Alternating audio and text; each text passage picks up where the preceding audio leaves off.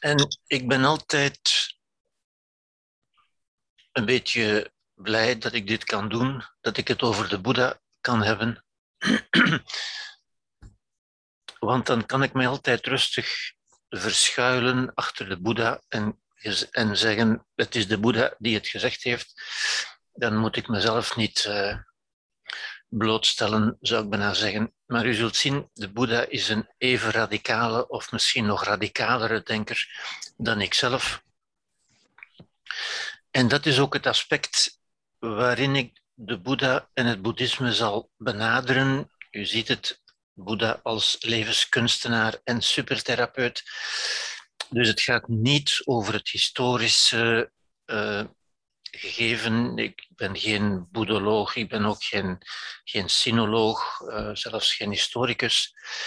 Ik benader de Boeddha vanuit het perspectief van de Boeddha als levenskunstenaar en supertherapeut. En dat wil zeggen het perspectief van het belang dat hij kan hebben en, en heeft en blijft hebben voor ons nu. Ja, niet alleen in zijn tijd, maar ook voor ons nu. En ik zal dan ook regelmatig de linken leggen met, met opvattingen van nu, met onze tijd van nu. Ja. Maar goed, laat ik uh, beginnen met een vraag die altijd als een van de eerste opduikt natuurlijk. Wat is eigenlijk het boeddhisme? Ja, is dat nu een religie of is dat een filosofie? U weet dat dat in ons land bij de religies wordt gerekend. Mijn zin is volkomen ten onrechte. Want een van de eerste vaststellingen die we kunnen doen, is dat het zeker geen religie is. Althans niet in de, in de traditionele betekenis van het woord, van religiositeit. Ja. Omdat er om te beginnen nooit sprake is van een verering van goden of hogere machten of hogere wezens of een hogere plaats waar we naartoe zullen gaan of zoiets. De Boeddha heeft ook altijd uitdrukkelijk zichzelf niet als een god geprofileerd. En ik denk dat we hem ook moeten zien als gewoon een wijs iemand, maar toch een mens. Een mens zoals wij, zoals wij nu hier, ja, in zijn tijd, maar met inzichten die voor ons nog altijd van belang zijn. Omdat de mens in wezen ook niet veranderd is tegenover de tijd van de Boeddha, natuurlijk. Dus het gaat, er is geen enkele spraak, eh, geen enkel, uh, nooit sprake van goden of hogere machten. Um, als daar toch sprake van zou... Het wordt vaak eh, in verband gebracht natuurlijk, maar dat komt dan uit het hindoeïsme. Zoals we straks zullen zien, het boeddhisme is ontstaan in de wereld van het hindoeïsme. En een aantal van de concepten en ideeën van het hindoeïsme worden in verband gebracht daarmee. Maar in wezen gaat het boeddhisme in zijn zuivere vorm zeker niet over een verering van goden, of het volgen van een wet van de goden of iets dergelijks. Ja. Er zijn ook geen dogma's, geen geboden of verboden, ja, zoals we dat kennen van, van de katholieke kerk bijvoorbeeld en van vele andere kerken, die, waar, je, waar je dingen, bepaalde dingen moet geloven en waar je bepaalde dingen wel of niet mag doen. Ja. Daar is geen sprake van in het, in het boeddhisme. Er is geen goddelijk wetboek, er is geen Bijbel, er zijn geen voorschriften, er is geen heilig boek, er zijn geen heilige teksten. De Boeddha heeft eigenlijk net zoals Christus en net zoals Socrates, met wie hij vaak vergeleken wordt. Ja, uh, ik, ik, ik verwijs, ik er plots ook aan denk, in het voorbijgaan even naar het boek van uh, Frédéric Lenoir, die een boek geschreven heeft over Jezus Socrates en de Boeddha als drie belangrijke wijzen voor onze beschaving. Um, Nathan, die net overleden is, heeft overigens ook een boek geschreven over Christus en de Boeddha. Ja, omdat er natuurlijk vele gelijkenissen zijn. En ik zal daar ook uh, op, op wijzen uh, af en toe. Maar dus, net zoals Christus en net zoals Socrates eigenlijk, heeft ook de Boeddha niets geschreven. Ja. Alle geschriften die tot ons gekomen zijn, maar die niet als heilige geschriften of als door God geïnspireerde geschriften worden beschouwd, zijn geschreven door zijn volgelingen, zijn eigenlijk lezingen, onderrichtingen die genoteerd zijn door de aanwezigen. Net zoals bij Socrates en net zoals bij Christus overigens. Ja. Er zijn dus, ja, ik, ik, heb net gezegd, geen heilige schriften. Er is ook geen instituut. Er is geen officieel instituut. Er is geen kerk. Er is geen centraal gezag. Er is geen autoriteit. Er is geen paus van het boeddhisme. Ja. Er zijn geen uh, geconsacreerde rituelen. Er zijn ook geen officiële standpunten. En dat dat wil ik toch sterk benadrukken. Want mensen zeggen soms, vragen vaak als we het over de Boeddha hebben, van wat zegt de Boeddha over of wat zegt het boeddhisme over?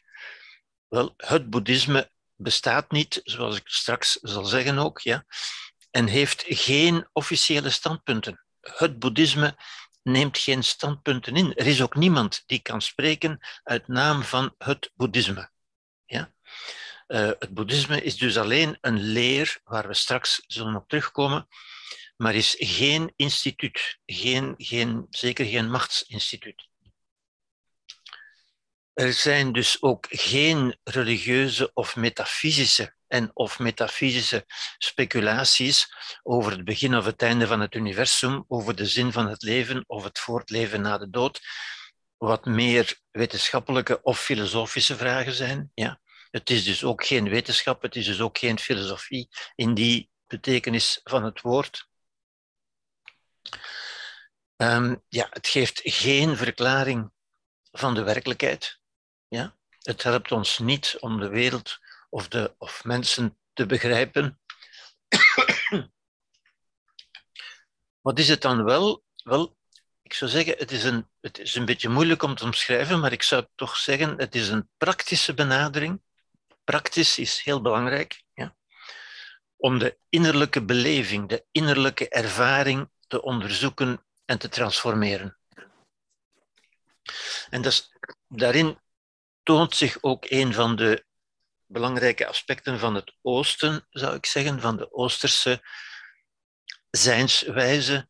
Namelijk het Oosten heeft zich veel meer geïnteresseerd aan de interne wereld, de innerlijke wereld, de belevingswereld, de bewustzijnswereld van de mens, het innerlijke van de mens terwijl het Westen zich veel meer heeft toegelegd op de omgeving, op de uiterlijke wereld. Ja? Dat heeft ons in het Westen natuurlijk de wetenschap opgeleverd. Die gaat over hoe zit de wereld in elkaar, hoe, hoe zit de kosmos in elkaar en dat soort dingen. Ja? Maar die helaas, en dat, dat merken we ook natuurlijk, die, die veel minder te zeggen heeft over de innerlijke wereld van de mens en die daar moeite mee heeft. En ik ga daar straks ook op terugkomen. Ja? Dat is een van de grote verschillen tussen het, tussen het oosten en het westen, zou ik zeggen. Het westen heeft, heeft de blik naar buiten gericht, naar de, naar de omwereld, en heeft ons dus de wetenschap en de fysica en de scheikunde en zo verder tal van, van comfortabele dingen opgeleverd. Het oosten heeft veel minder tijd besteed, veel minder van zijn mens zijn geïnvesteerd in het onderzoek van de natuur en van de, van de wetmatigheden van de natuur, maar veel meer over het inwendige van de mens. Ja? Dat heeft bijvoorbeeld, of, of onder meer ook tot gevolg, een beetje een moeilijkheid soms, dat ze daar veel verfijnder en genuanceerder kunnen over denken en over spreken dan wij. Ze hebben ook veel meer woorden om daarover te spreken dan wij. Ons denken daarover is eigenlijk armer, is minder ontwikkeld, minder gediversifieerd. Maar goed, ik kan natuurlijk toch proberen van de essentiële dingen mee te delen. Maar het is belangrijk om dat ook voor ogen te houden. Ja? Het, is, het boeddhisme is meer een praktijk, zoals bijvoorbeeld yoga. Hè? Wat, wat, is yoga? dat is ook een praktijk. Ja? Um, met dien verstande dat het boeddhisme geen lichamelijke praktijk is natuurlijk, maar een mentale praktijk. Wat bij yoga overigens ook aanwezig is natuurlijk. plus een houding van onderzoek. Heel belangrijk. Maar onderzoek hier wel meer gericht op de innerlijke wereld natuurlijk. Ja? De Boeddha heeft ook altijd gezegd: geloof niet wat ik zeg, maar onderzoek het zelf. En het onderzoek in deze context is natuurlijk een onderzoek naar een onderzoek van de interne beleving, van de ervaring van het leven. Ja? En het onderzoek is eigenlijk van na te gaan, als ik dit nu zou geloven, hoe zou mijn leven dan worden? Hoe zou mijn ervaring van het leven dan zijn? Zou die beter zijn of zou die minder goed zijn? En als u gelooft dat u er beter van zou worden, dan neemt u het mee. Als u gelooft dat u er niet beter van zou worden, als u denkt dat u niets, in niets kan verbeteren, dan laat u het voor wat het is. Ja?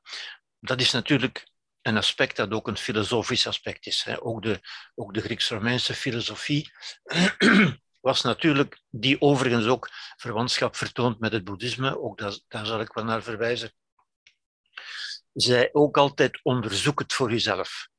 Ja? Er zijn geen dogma's, u moet niks geloven. Ga na wat het voor u kan betekenen, wat het voor u kan, kan, kan opleveren, in feite. Ja?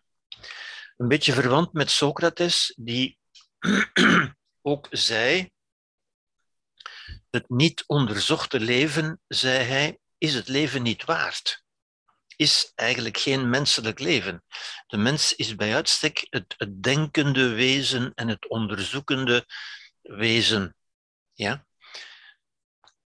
En u weet dat Socrates, een beetje zoals Christus eigenlijk, ja, min of meer vrijwillig, de dood is ondergaan. Men heeft hem veroordeeld tot de gifbeker. Maar hij had kunnen ontkomen, hij had kunnen wegkomen. Maar hij heeft gezegd: Als ik niet kan leven zoals ik wil leven, dan is het leven mij de moeite niet waard. En leven zoals ik wil leven betekende voor Socrates, net zoals voor de Boeddha, natuurlijk het denkende leven. Het denken is het, is het hoogste in de mens natuurlijk. Dat is waarin de mens zich ook onderscheidt van de dieren.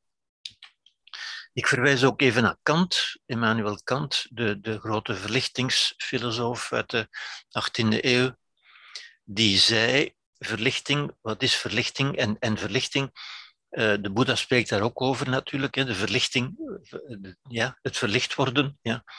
Verlichting, zei Kant, is het gebruik van het eigen verstand. Het gebruik van het eigen verstand. Ja om de beperkingen te zien die de mens zichzelf eigenlijk heeft opgelegd. Ja? Ook dat is zeer verwant met iets wat de Boeddha zegt, waar we het straks ook zullen over hebben. Ja. Maar ik wil eventjes het, denken van de Boeddha kaderen. Het is niet zo, um, hoe, hoe, zou ik zeggen, zo totaal vreemd aan, aan wat, wat bij ons gangbaar is. Ja. Uh, het is wel veel meer uitgewerkt en veel meer uh, genuanceerd dan, dan het bij ons het geval is. Ja? Het is bovendien, ik zou zeggen, heerlijk oneerbiedig. Ja? Er wordt geen eerbied verwacht. U moet, er is ook geen verering. U moet niemand vereren en zo verder. Ja? U hoeft ook niets te geloven. Ja? Het is ja, het, het meest kenmerkende van de Boeddha van, en van het boeddhisme is, is bijna de glimlach. Het lachen met de dingen. Ja? Het niet au serieus nemen, alhoewel de dingen toch heel serieus zijn, natuurlijk. Ja? Boeddha heeft ooit gezegd, en, en dat is kenmerkend voor, voor zijn manier van zijn en voor zijn manier van doen, is, hij zei, je moet alles doen met zoveel ernst alsof het bestaan van de kosmos er zou van afhangen. En tegelijk, zei hij, moet je glimlachen als je gelooft dat het ook maar enig verschil zou uitmaken. En ziet u, die, die, die, die comitragische, die tragicomische nood zit er bij het boeddhisme heel vaak in natuurlijk. De Boeddha zei, onderzoek het zelf, probeer het uit. Kijk wat het voor u kan doen, of het voor u iets kan betekenen of niet. Ja?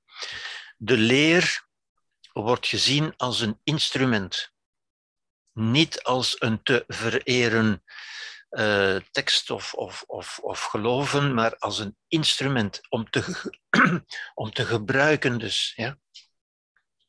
En hij, men gebruikt de, de metafoor van het vlot. Ja, een vlot, dat is ook niet iets om te vereren, maar om te gebruiken. Je gebruikt dat om een rivier over te steken, bijvoorbeeld. Ja?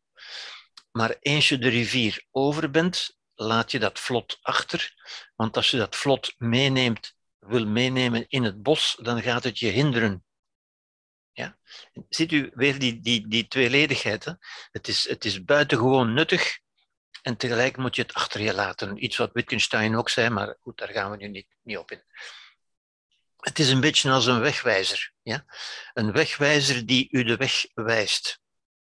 Maar de bedoeling van een wegwijzer is niet dat u er gaat voor knielen en hem gaat vereren, maar dat u de richting gaat volgen die die wegwijzer wijst. En ook dat, dat wijzen, dat richtingwijzer, komt straks nog terug. Ja. Het, is dus, het gaat dus niet om een metafysische of transcendente waarheid. Ja? En dat is belangrijk. Er wordt niet gediscussieerd over of dat waar is of niet. Ja?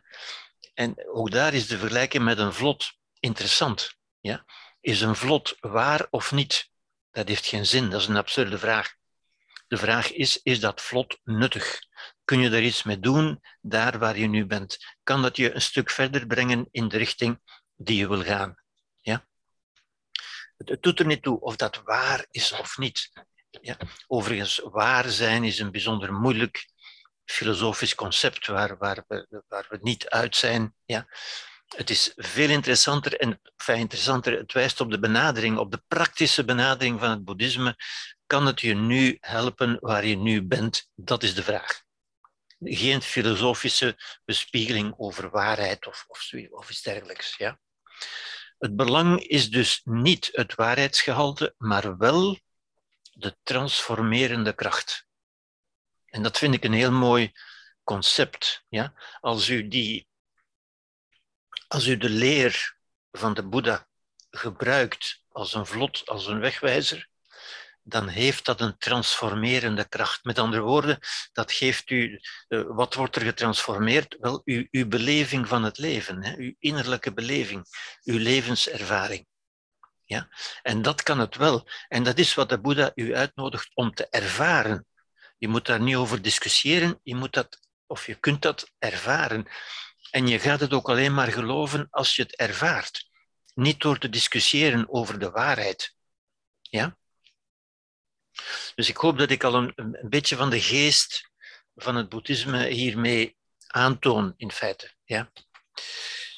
Het is als het ware, zouden we kunnen zeggen, een spiritualiteit zonder religie een spiritualiteit. Spiritualiteit is een, is een woord waar vele mensen ook glazig gaan bij kijken met de blik op oneindig en doen alsof ze een beetje zweven. Maar eigenlijk wil dat gewoon maar zeggen, spiritualiteit, eh, ik heb het ooit kardinaal Daneels zo horen zeggen en dat trof me toen ook, spiritualiteit is het leven van de spirit, van de geest. Dat is ons geestelijk leven, dat is ons nadenken. Dat zijn onze concepten, wat we geloven en wat we niet geloven. Dat is ons geestelijk leven. Ja? Meer nog zou ik zeggen, een humanistische levenskunst. En humanistisch wil hier zeggen, wat ik ook al net gezegd heb, zonder beroep te doen op de miraculeuze uh, um, invloed van een of andere godheid of, of, of bovennatuurlijk wezen, maar humanistisch, dat wil zeggen met gebruikmaking van onze humane, onze menselijke mogelijkheden. Op een menselijke wijze, humanistisch wil eigenlijk zeggen op een menselijke wijze, ja, um, de tot een levenskunst komen. Met andere woorden, een bestaansethiek zeg ik hier, bestaansethiek, dat is ook een beetje een, een dubbel woord natuurlijk. Ethiek wil alleen maar zeggen nadenken over, het, over wat we doen, over ons gedrag. Ja? Hoe we ons moeten gedragen. Ja? Of ik vergelijk het ook soms met een psychotherapie. Ja, ook, dat, ook daar kom ik straks op terug. Ja.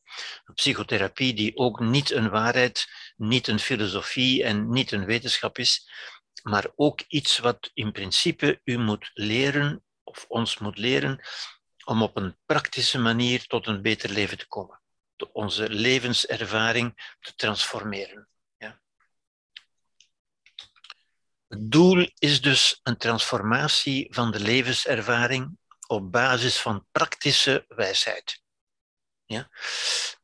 En praktische wijsheid zet ik hier een beetje tegenover, of, of, of, of zet ik uh, een beetje af tegen, of plaats ik in relief tot uh, filosofische wijsheid of wetenschappelijke, wetenschappelijke kennis. Het gaat niet over wetenschappelijke kennis, maar wel over praktische wijsheid.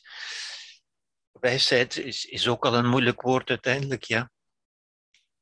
Dat zijn eigenlijk ja, een beetje zoals psychotherapie ook uit wijsheid bestaat. Dat is geen wetenschap, ook geen filosofie, maar toch redelijkheid, levenswijsheid zou je kunnen zeggen. Ja? Met, een beetje, met een beetje goede wil zou je kunnen zeggen de wetenschap van het leven. Ja? Dat is niet de wetenschap, niet de wetenschap die wij kennen natuurlijk. Het is radicaal. Ik heb u dat straks ook al gezegd. Het is radicaal. Het, wat, het, wat het doet, wat het aanreikt, de wijsheid, is bedoeld om een radicaal doel te bereiken, namelijk het begrijpen van het lijden en daardoor ook het beëindigen van het lijden. Ja? En dit is echt de essentie van het boeddhisme. Het boeddhisme gaat in essentie over het lijden, over de lijdende mens. We zullen daar straks en in de volgende les natuurlijk nog, nog meer over zeggen, want daar gaat het echt over. Het begrijpen van het lijden, over het lijden dus. Ja? Het lijden, meer bepaald natuurlijk het, het psychisch lijden, wat we psychisch lijden noemen. Ja? Niet het lijden als u een been gebroken hebt bijvoorbeeld, dat, dat is pijn. Ja? Dat is lichamelijke pijn. Daar gaat het niet over. Lichamelijke pijn is iets anders dat is objectief en kan ook op een andere manier verholpen of, of genezen of opgelost worden. Het is het psychische lijden dat eh, bij ons in het Westen toch altijd een beetje, de, de, ja, een, beetje een aureool van, van een beetje onbegrijpelijk heeft. En dat is juist waar de Boeddha begrijpelijkheid wil inbrengen met het radicale doel, en ik kan dat niet genoeg benadrukken, van het lijden te beëindigen. Iets wat mensen bij ons, in het Westen bedoel ik daarmee, vaak zeggen van dat kan toch niet, wat wij als, als onmogelijk zien bijna. Ja? Wat wij uitbesteden aan, aan psychiaters en, en, aan, en aan psychologen. En de Boeddha pretendeert, doet die belofte eigenlijk, die radicale belofte van het begrijpen van het lijden en het beëindigen van het lijden. In die zin gaat het verder dan de westerse psychotherapie. En ik zal dat straks, ik zal die straks ook een beetje naast elkaar zetten. Het verschil tussen westerse psychotherapie en oosterse psychotherapie, die, die men daar meer, denk ik, meer wijsheid zou noemen. Oosterse wijsheid. Wijsheid die eigenlijk een therapie is, of ik zou bijna zeggen de therapie. Vandaar dat ik de Boeddha natuurlijk ook een, een supertherapeut noem. Ja therapie is uiteindelijk het bijbrengen van wijsheid. Ja. Niet alleen voor volgelingen, gelovigen of specialisten, maar bruikbaar voor het dagelijkse leven van iedereen. U moet u daarvoor niet bekeren, u moet geen gelofte afleggen of u moet niet bidden of, of wat dan ook. U kunt die adviezen, zou ik zeggen, die, die, die praktische wijsheden, gewoon met u meenemen en die eigenlijk meteen beginnen gebruiken, zou ik zeggen. Ja? Het zijn adviezen, adviezen, en ik vind dat een goed woord, adviezen. Het, wordt, het zijn aanbevelingen van de Boeddha, het zijn manieren die hij aanbeveelt, geen geboden, geen verboden. Het zijn adviezen van wijsheid, van redelijkheid. Redelijkheid is, is de menselijkheid natuurlijk, en niet omdat, omdat een God dat gezegd heeft, maar omdat we dat redelijk kunnen inzien. Ja? Met gebruikmaking van onze redelijkheid. Adviezen van wijsheid en redelijkheid. En antwoorden op levensvragen die tot een gelukkiger ervaring van het leven kunnen leiden. En dat is dus de bedoeling, een gelukkiger ervaring van het leven kunnen leiden. Ja. Tussen twee haakjes, ik, als, als ik dit lees of als ik daaraan denk, dan denk ik natuurlijk ook altijd aan de Grieks-Romeinse filosofie, die eigenlijk dezelfde bedoeling had. Epictetus, de grote stoïcijn, zei letterlijk, misschien komt het wel ergens terug, ik weet het niet meer, zei ergens letterlijk, als de filosofie ons niet zou helpen om beter te leven, waartoe zou ze dan wel kunnen dienen? Ja, dan zou ze toch zinloos zijn. Want dat is toch wat iedereen verlangt. Beter en gelukkiger te leven. Ja. Wat denk ik ook verklaart dat zoveel mensen zich tot het Oosten en met name tot het Boeddhisme wenden. Ja. Omdat, naar mijn mening, ik zal daar straks ook op terugkomen, de westerse benadering, de westerse filosofie en de westerse, psycho, uh, westerse um, psychiatrie daar zeer onvolkomen in slaagt. Daar eigenlijk niet in, in, slaagt. Het westerse denken, de westerse benadering, vooral de wetenschappelijke benadering, um, slaagt daar eigenlijk niet in. En ik zal daar straks op terugkomen. De Boeddha zei ook altijd, en dat is zo mooi, de Boeddha is in u. Dat sluit aan bij wat ik daar straks zei. Het gaat over uw interne beleving, uw interne ervaring. Ja? En de bedoeling is eigenlijk dat u de Boeddha in u wakker maakt. Ja? Die wijsheid moet in u terechtkomen uiteindelijk. Moet, moet u worden, moet van u worden. Het is niet de wijsheid van de Boeddha. U verneemt ze van de Boeddha, maar ze wordt pas actief, werkzaam, als u ze tot uw wijsheid maakt. Ja? Als u zegt van ja, zo wil ik gaan leven, dat wil ik in mij opnemen, zo wil ik mijn geest voeden, ja? mijn spiritualiteit, dus zoals ik gezegd heb. Ja? En ook dat kunnen we vergelijken met Christus, die, die zei, het rijk Gods is in u. Ja? Um, dat, dat is een opvallende gelijkenis in feite waar naar mijn mening toch weinig de nadruk op gelegd wordt in het Westen hier. Ja. Maar u ziet, het, het is zeer gelijkend. Ja. En ook wat Socrates zei. Socrates zei, alles begint met uzelf, uzelf te kennen. Dat wil zeggen, uzelf te onderzoeken, te kijken wat er in u aanwezig is natuurlijk. En u ziet weer dat dat verband tussen die drie grote figuren, de drie figuren van onze beschaving, zou ik bijna zeggen. Zoals Frederik Lenoir ook zegt, de Boeddha, Christus en Socrates. Ja. Het is geen vluchtroute, het is geen ontsnappingspoortje. Ja. Wie het daarvoor doet, die zal um, ontevreden uitkomen. Het is ook geen hoop op iets anders. Ja, en het woordje hoop is hier ook weer belangrijk. Het is ja zeggen tegen het leven nu. En dat is ook weer het humanistische aspect natuurlijk. Hè. Het, het gaat over welzijn in het nu, niet in een hernamaals. De Boeddha heeft nooit gezegd, als u zich eh, goed gedraagt en als u mijn leer volgt, zult u in het hiernamaals gelukkig zijn. Nee, het gaat over het nu, hier en nu. Ja? Elk moment is een kans en elk moment is ook waardevol.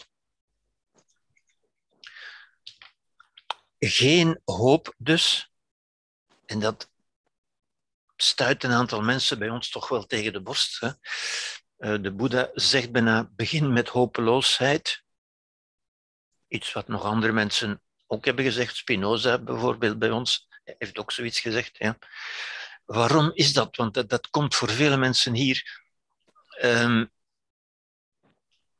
op zijn minst frappant en, en, en opvallend over en, en bijna fatalistisch. Want als je niet meer mag hopen, wel, omdat hoop wijst op angst en machteloosheid. En dit, je hebt er niet nodig, nog hoop, nog angst, want het gaat over het nu.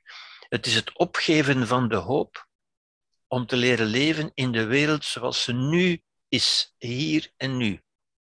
U moet niet hopen op een betere wereld waarin u zich gelukkiger zult voelen of als dit of dat eh, bereikt zal zijn. Nee, het gaat erom hier en nu. Ja?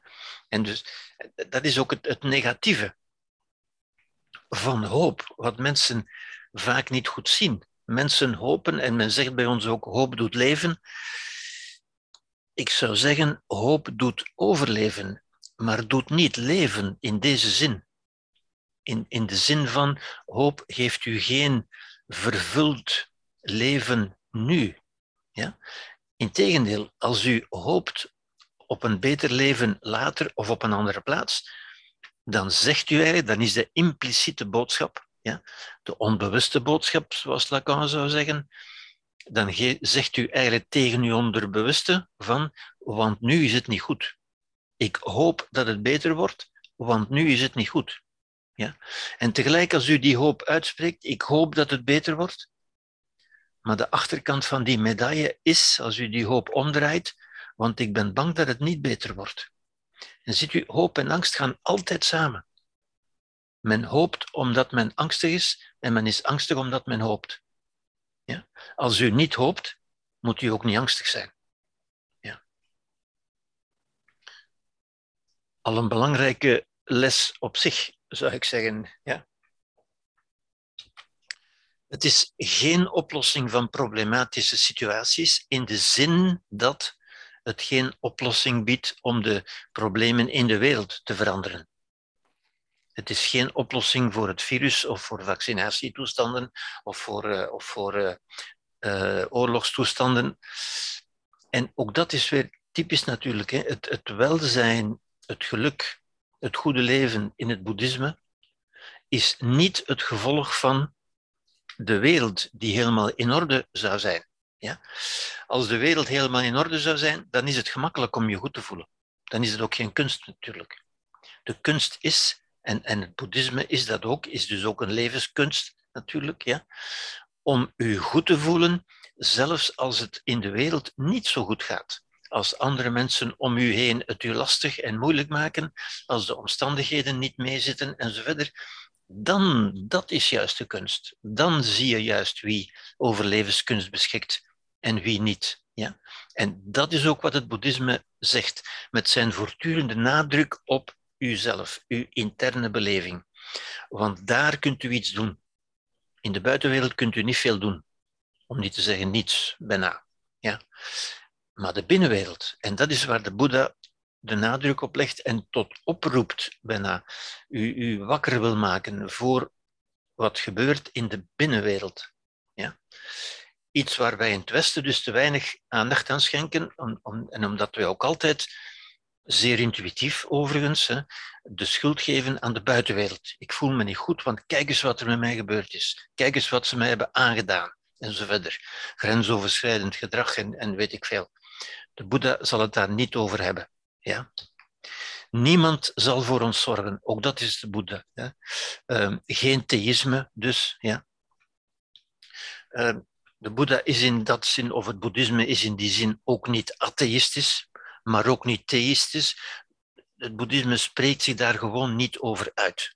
Het boeddhisme interesseert zich eigenlijk niet aan mogelijke goden. Theïsme wil natuurlijk zeggen dat er een God is die alles bestuurt en in zijn hand houdt en die voor alles zal zorgen dus ook. En als we ons goed gedragen, dan zal hij er ook voor zorgen dat we beloond worden. Niets daarvan is aanwezig in het boeddhisme natuurlijk. Ja? Alhoewel het boeddhisme u ook niet verbiedt. Het boeddhisme verbiedt niks, ja, maar het verbiedt u ook niet van in een god te geloven. Ja. Maar het, het, is, het gaat daar gewoon niet over. In die zin is het een radicaal humanisme. Of als u wil, een existentialisme. Ja. Het boeddhisme spreekt in een eenvoudige taal over de moeilijke realiteiten van het leven. Dat vind ik een heel mooie omschrijving uiteindelijk. Ja. En op die eenvoudige taal wil ik ook de nadruk leggen, en dat zullen we ook regelmatig uh, illustreren natuurlijk in een eenvoudige taal, in eenvoudige verhaaltjes ook, met eenvoudige voorbeelden, met de bedoeling altijd weer van u tot een inzicht te brengen. Met het, van het licht bij u aan te steken binnenin u. Ja. Zonder te ontkennen dat de realiteiten van het leven moeilijk kunnen zijn. Ja? Daar zullen we het ook nog over hebben natuurlijk. Goed. Over de Boeddha zelf is toch niet zonder belang natuurlijk. Heel in het kort, omdat dat ook niet, niet de essentie is, maar het is toch goed van hem te situeren. Hij leefde in wat men noemt de axiale tijd. De axiale tijd is die merkwaardige tijd waarin in de hele wereld op diverse plaatsen tegelijk op merkwaardige wijze een heel aantal dingen gebeurd zijn. Ja? De, zijn levensdata wordt algemeen aangenomen 563 tot 483. Hij is dus 80 jaar geworden voor Christus, wel te verstaan. Zesde, vijfde eeuw voor Christus. Ja. Daar is natuurlijk weer een beetje discussie over bij de, bij de boedologen en bij de historici en de archeologen en de paleontologen enzovoort. Ja. Maar dit zijn toch de meest aanvaarde data, zou ik zeggen. Uh, de axialiteit was de tijd waarin in de Griekse wereld de rationele filosofie is ontstaan.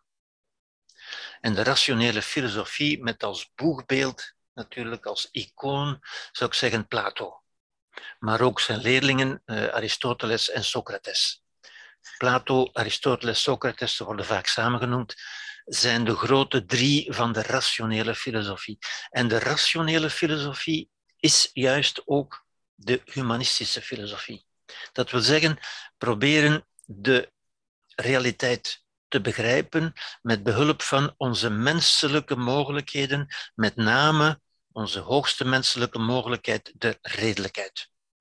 Over nadenken, met ons eigen begripsvermogen, ons eigen denkvermogen, ja, zoals ook Kant het zal doen, bijvoorbeeld. En dat staat natuurlijk tegenover, dat is natuurlijk ontstaan als um, tegenover, zou ik zeggen, ja, tegenover het geloof in, in krachten die ons beheersen. Dus tegenover het mythologische, het mythische, het religieuze denken van daarvoor. Het denken dat ons leven geleid en bestuurd wordt en onderworpen is aan de wil van goden, van hogere machten dus. Ja? En u weet, de Griekse mythologie is ook rijk aan goden en halfgoden en godinnen enzovoort enzovoort. Ja? Wel, tegenover die hele confuse wereld is de rationele filosofie, is Plato, een beetje zoals Descartes na hem natuurlijk, beginnen nadenken. Hoe kan ik dat nu redelijk gaan begrijpen met mijn eigen menselijke mogelijkheden? Dat is de rationele filosofie ja, die natuurlijk een van de pijlers is van onze westelijke, westerse beschaving. Ja. In dezelfde tijd, vandaar de axiale tijd, is in het Midden-Oosten het monotheïsme ontstaan. Met de grote profeten waarover spraken in het Oude Testament. Ja? Die zijn merkwaardig genoeg in, in, de gelijk, in dezelfde periode ontstaan. Ja? In China is het Confucianisme en het Taoïsme ontstaan. Ja? Het Confucianisme, dat een beetje te vergelijken valt met de filosofie van Plato. Men kan Confucius een beetje vergelijken met Plato, ja? die ook nadacht over hoe kan ik een, een goed mens zijn en ook, net als Plato, hoe kan ik een goed burger zijn, met andere woorden, een, een, goed, een goed lid van de samenleving. Hoe kan ik goed in mij verhouden tot de samenleving? Ja? En hoe is die verhouding? Hoe kan ik die denken? Hoe moeten we die denken? Um, het, Taoïsme, het Taoïsme is iets meer uh, mythologisch, zou ik zeggen. In die zin, het Taoïsme kent u natuurlijk, want dat is het denken dat uitgaat, um, dat, dat stelt dat alles, en dat, is wel een beetje mythologisch, um, een gevolg is van de werking op elkaar, de onderlinge werking van twee grote kosmische krachten of principes of, of energieën, als u wil, namelijk yin en yang. Ja? En die verklaren alles, en dat is dan weer op een redelijke manier. Het is niet zo'n redelijk uitgangspunt, maar het is toch op een redelijke manier. proberen ze alles te verklaren vanuit onevenwicht tussen yin of yang. Als u ziek wordt of als er, als er rampen gebeuren, is het omdat er te veel yin is en niet genoeg yang, of omgekeerd natuurlijk. Ja? En ook in uw voeding en zo verder, dat gaat, dat gaat heel ver. Ja? Uh, moet u letten op, op uh, het evenwicht tussen yin en yang en zo verder. Ja? Dat is het Taoïsme.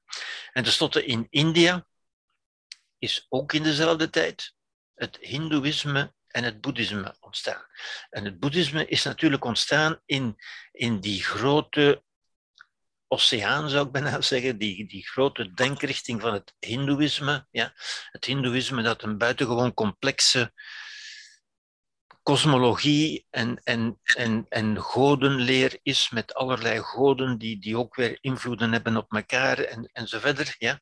Een beetje te vergelijken met, met de, de, de Griekse mythologie, zou je kunnen zeggen, waarin die rationele filosofie van Plato is ontstaan. En hier is ontstaan het, het boeddhisme. Ja? Het boeddhisme dat zich een beetje afgekeerd heeft van al die, van die hele godenwereld en ook gedacht heeft, beginnen denken is van hoe kan ik hier vanuit mijn mens zijn, zonder geloof in wonderen of mirakels, hoe kan ik tot een goed leven komen? Ja? Goed, dat om het een beetje te situeren, zou ik zeggen. Ja? U ziet meteen de gelijkenissen ook, ook de verschillen, maar ook de gelijkenissen met, met andere ehm, richtingen en, en denkstromingen in, in de wereld, die er nog altijd zijn natuurlijk. Ja. Goed. um, de Boeddha zelf is geboren in een koninkrijkje. Ik zal u dadelijk een kaart tonen. Um, iets ten zuiden van de Himalaya, in een koninkrijkje. Zijn vader was koning van een klein koninkrijk daar. En hij is geboren als prins Siddhartha Gautama. Dus dat is zijn echte naam. De Boeddha is niet zijn naam. Ja. Um, hij leidde daar een rijkelijk en luxueus hofleven, ja, in, in het paleis van zijn vader, zou je kunnen zeggen. Ja. En zijn vader, zijn liefhebbende vader, die hem natuurlijk alles gaf wat hij maar kon wensen en dromen. En hij had alles, hij had inderdaad alles uh, waaraan hij maar kon denken. Hij leidde een perfect gelukkig leven, zou je kunnen denken. Ja. Er was één probleem met dat leven, dat is dat hij leefde in het paleis, een groot paleis, en maar met als enige restrictie dat hij dat paleis niet mocht verlaten. Ja? Door de zorgen van zijn bezorgde vader, ja, die goed voor hem wou zorgen. En natuurlijk, u, u begrijpt, wat, um, wat niet mag, wordt bijzonder aantrekkelijk.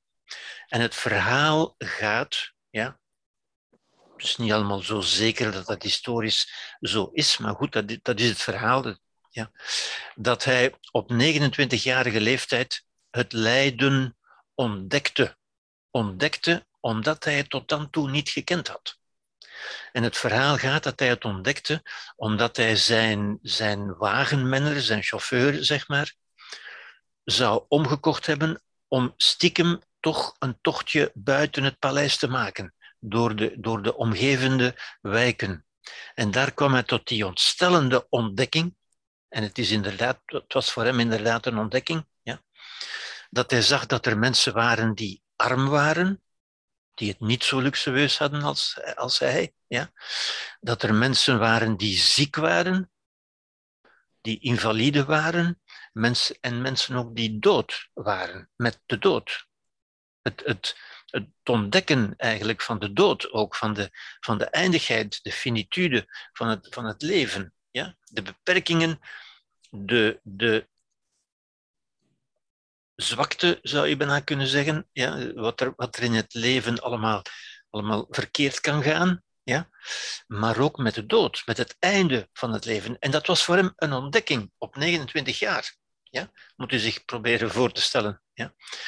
Een ontdekking die hem danig uh, verstoorde, ja, die, die zijn, zijn wereld eigenlijk op zijn kop zette, een beetje, ja, die hem danig beroerde en, en verstoorde, en waarvan hij zich niet meer kon losmaken, bij wijze van spreken. Ja? En waarvan hij zich voornam, waarvan hij dacht van dat moet ik toch meer overdenken, ik moet dat toch begrijpen. Ja?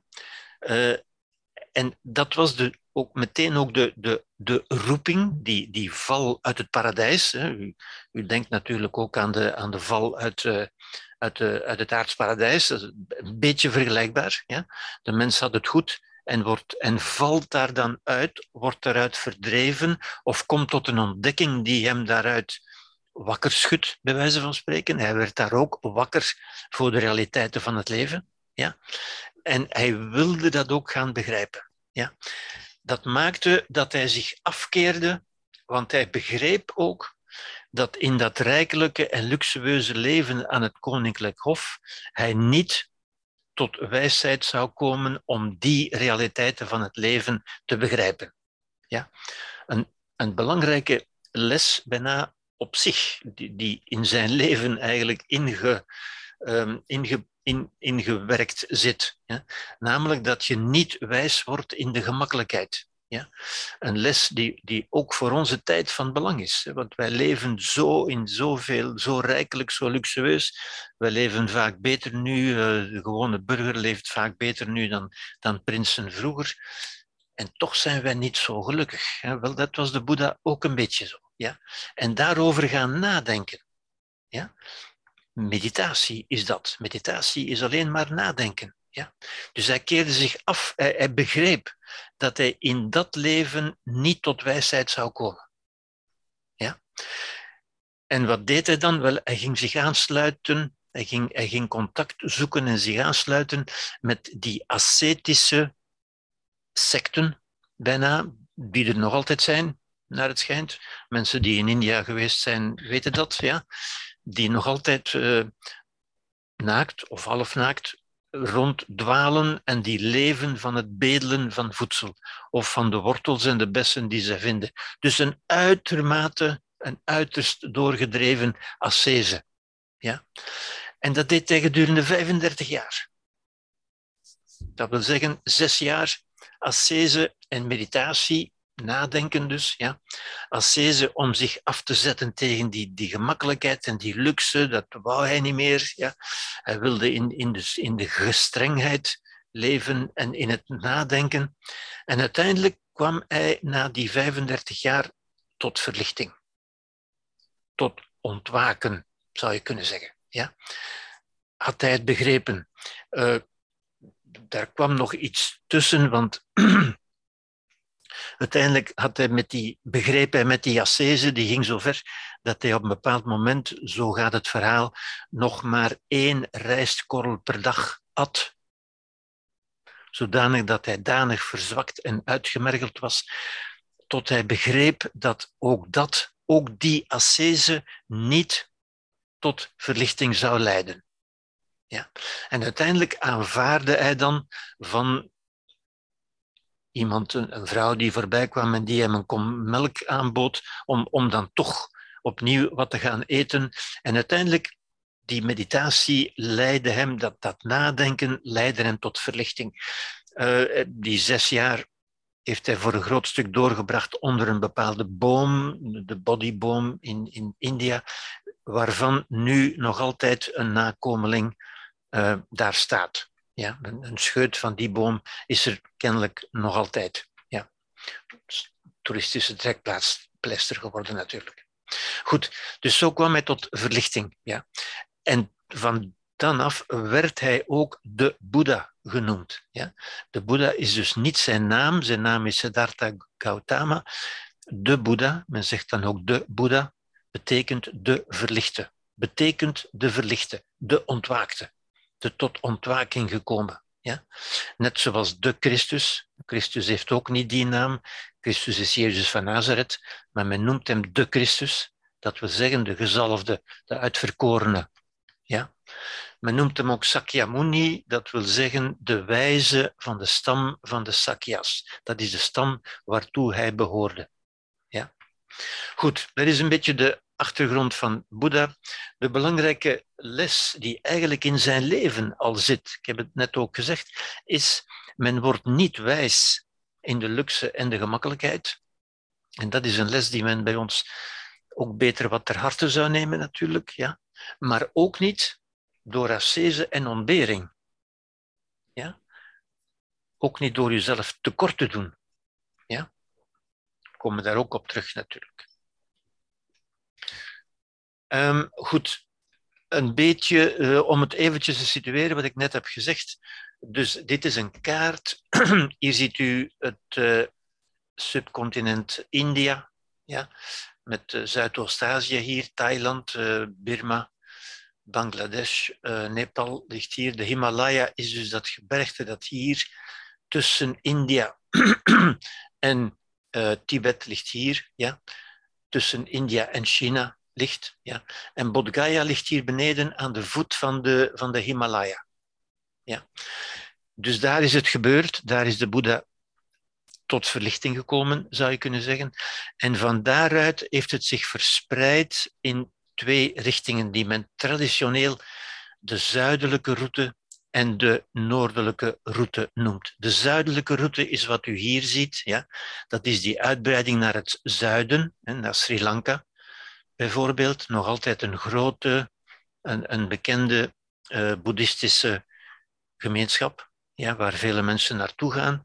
En ook naar Zuidoost-Azië, Maleisië, Indonesië en hier naar Thailand, Cambodja, nog altijd belangrijke boeddhistische plaatsen. Dat is de zuidelijke route, wat men ook het Theravada-boeddhisme noemt. Theravada wil zeggen het echte boeddhisme, natuurlijk.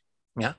Iedereen noemt zich het echte natuurlijk, hè, maar dit is, wordt, zijn dus de echte, het oude, het echte boeddhisme. Er is daarnaast natuurlijk, als er een zuidelijke route is, is er ook een noordelijke route natuurlijk. Ja? Uh, dat is deze kaart. Dus hier heb ik de kaart een beetje naar het zuiden verschoven. Bodh Gaya ligt nu hier. Ja? De Himalaya ligt hier, tussen India Zuidoost-Azië en China. Hier is Mongolië. Ja. Um, ligt hier. En de noordelijke route is natuurlijk deze weg. Over de Himalaya in twee richtingen naar China. Om te beginnen. Ja. Het heeft zich in China gevestigd. En in China heeft zich dat vermengd. En ook dat is typisch voor het boeddhisme. Ja, het boeddhisme dat dus absoluut niet dogmatisch is, maar zich bevrucht, verrijkt, vermengt met de culturen waar het mee in contact komt. Ja? En ik, heb u al gezegd, in China was het Confucianisme en het, en het Taoïsme, ja? waarmee het, um, het, uh, het, het boeddhisme zich vermengd heeft tot een Chinese vorm van boeddhisme, het Chinese boeddhisme. Het Chinese boeddhisme, wat men het Chan-boeddhisme noemt. Ja? Van daaruit, uit, Japan, uit eh, China, pardon, is het dan overgestoken eh, naar Korea ook, natuurlijk. En vooral ook naar Japan. Ja?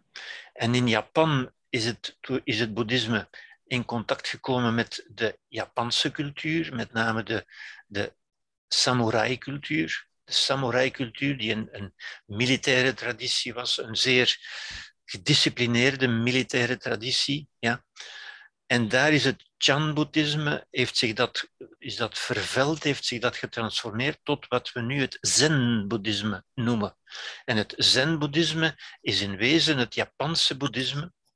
En u ziet ook nu nog Zen-monniken, als u in Zen-kloosters gaat, ziet u die, die samurai invloed eigenlijk. Hè. Ze lopen ook gekleed in, in die wit-zwarte gewaden, die samurai-gewaden, met een houten stok of een houten zwaard zelfs. Ja. Duidelijk de um, samurai-traditie, zou ik zeggen. Ja. Dus het boeddhisme heeft zich daar telkens aan aangepast, aan die verschillende. Ja. En als we van Japan nog een beetje verder gaan naar het, naar het oosten, ja, hier ligt natuurlijk de, de oceaan. Als we die oceaan oversteken, dan botsen we natuurlijk op het Amerikaanse continent, die hier nu niet op staat natuurlijk. Maar in het Amerikaanse continent, ook daar heeft het boeddhisme zich naar verbreid. Met name bijvoorbeeld in de.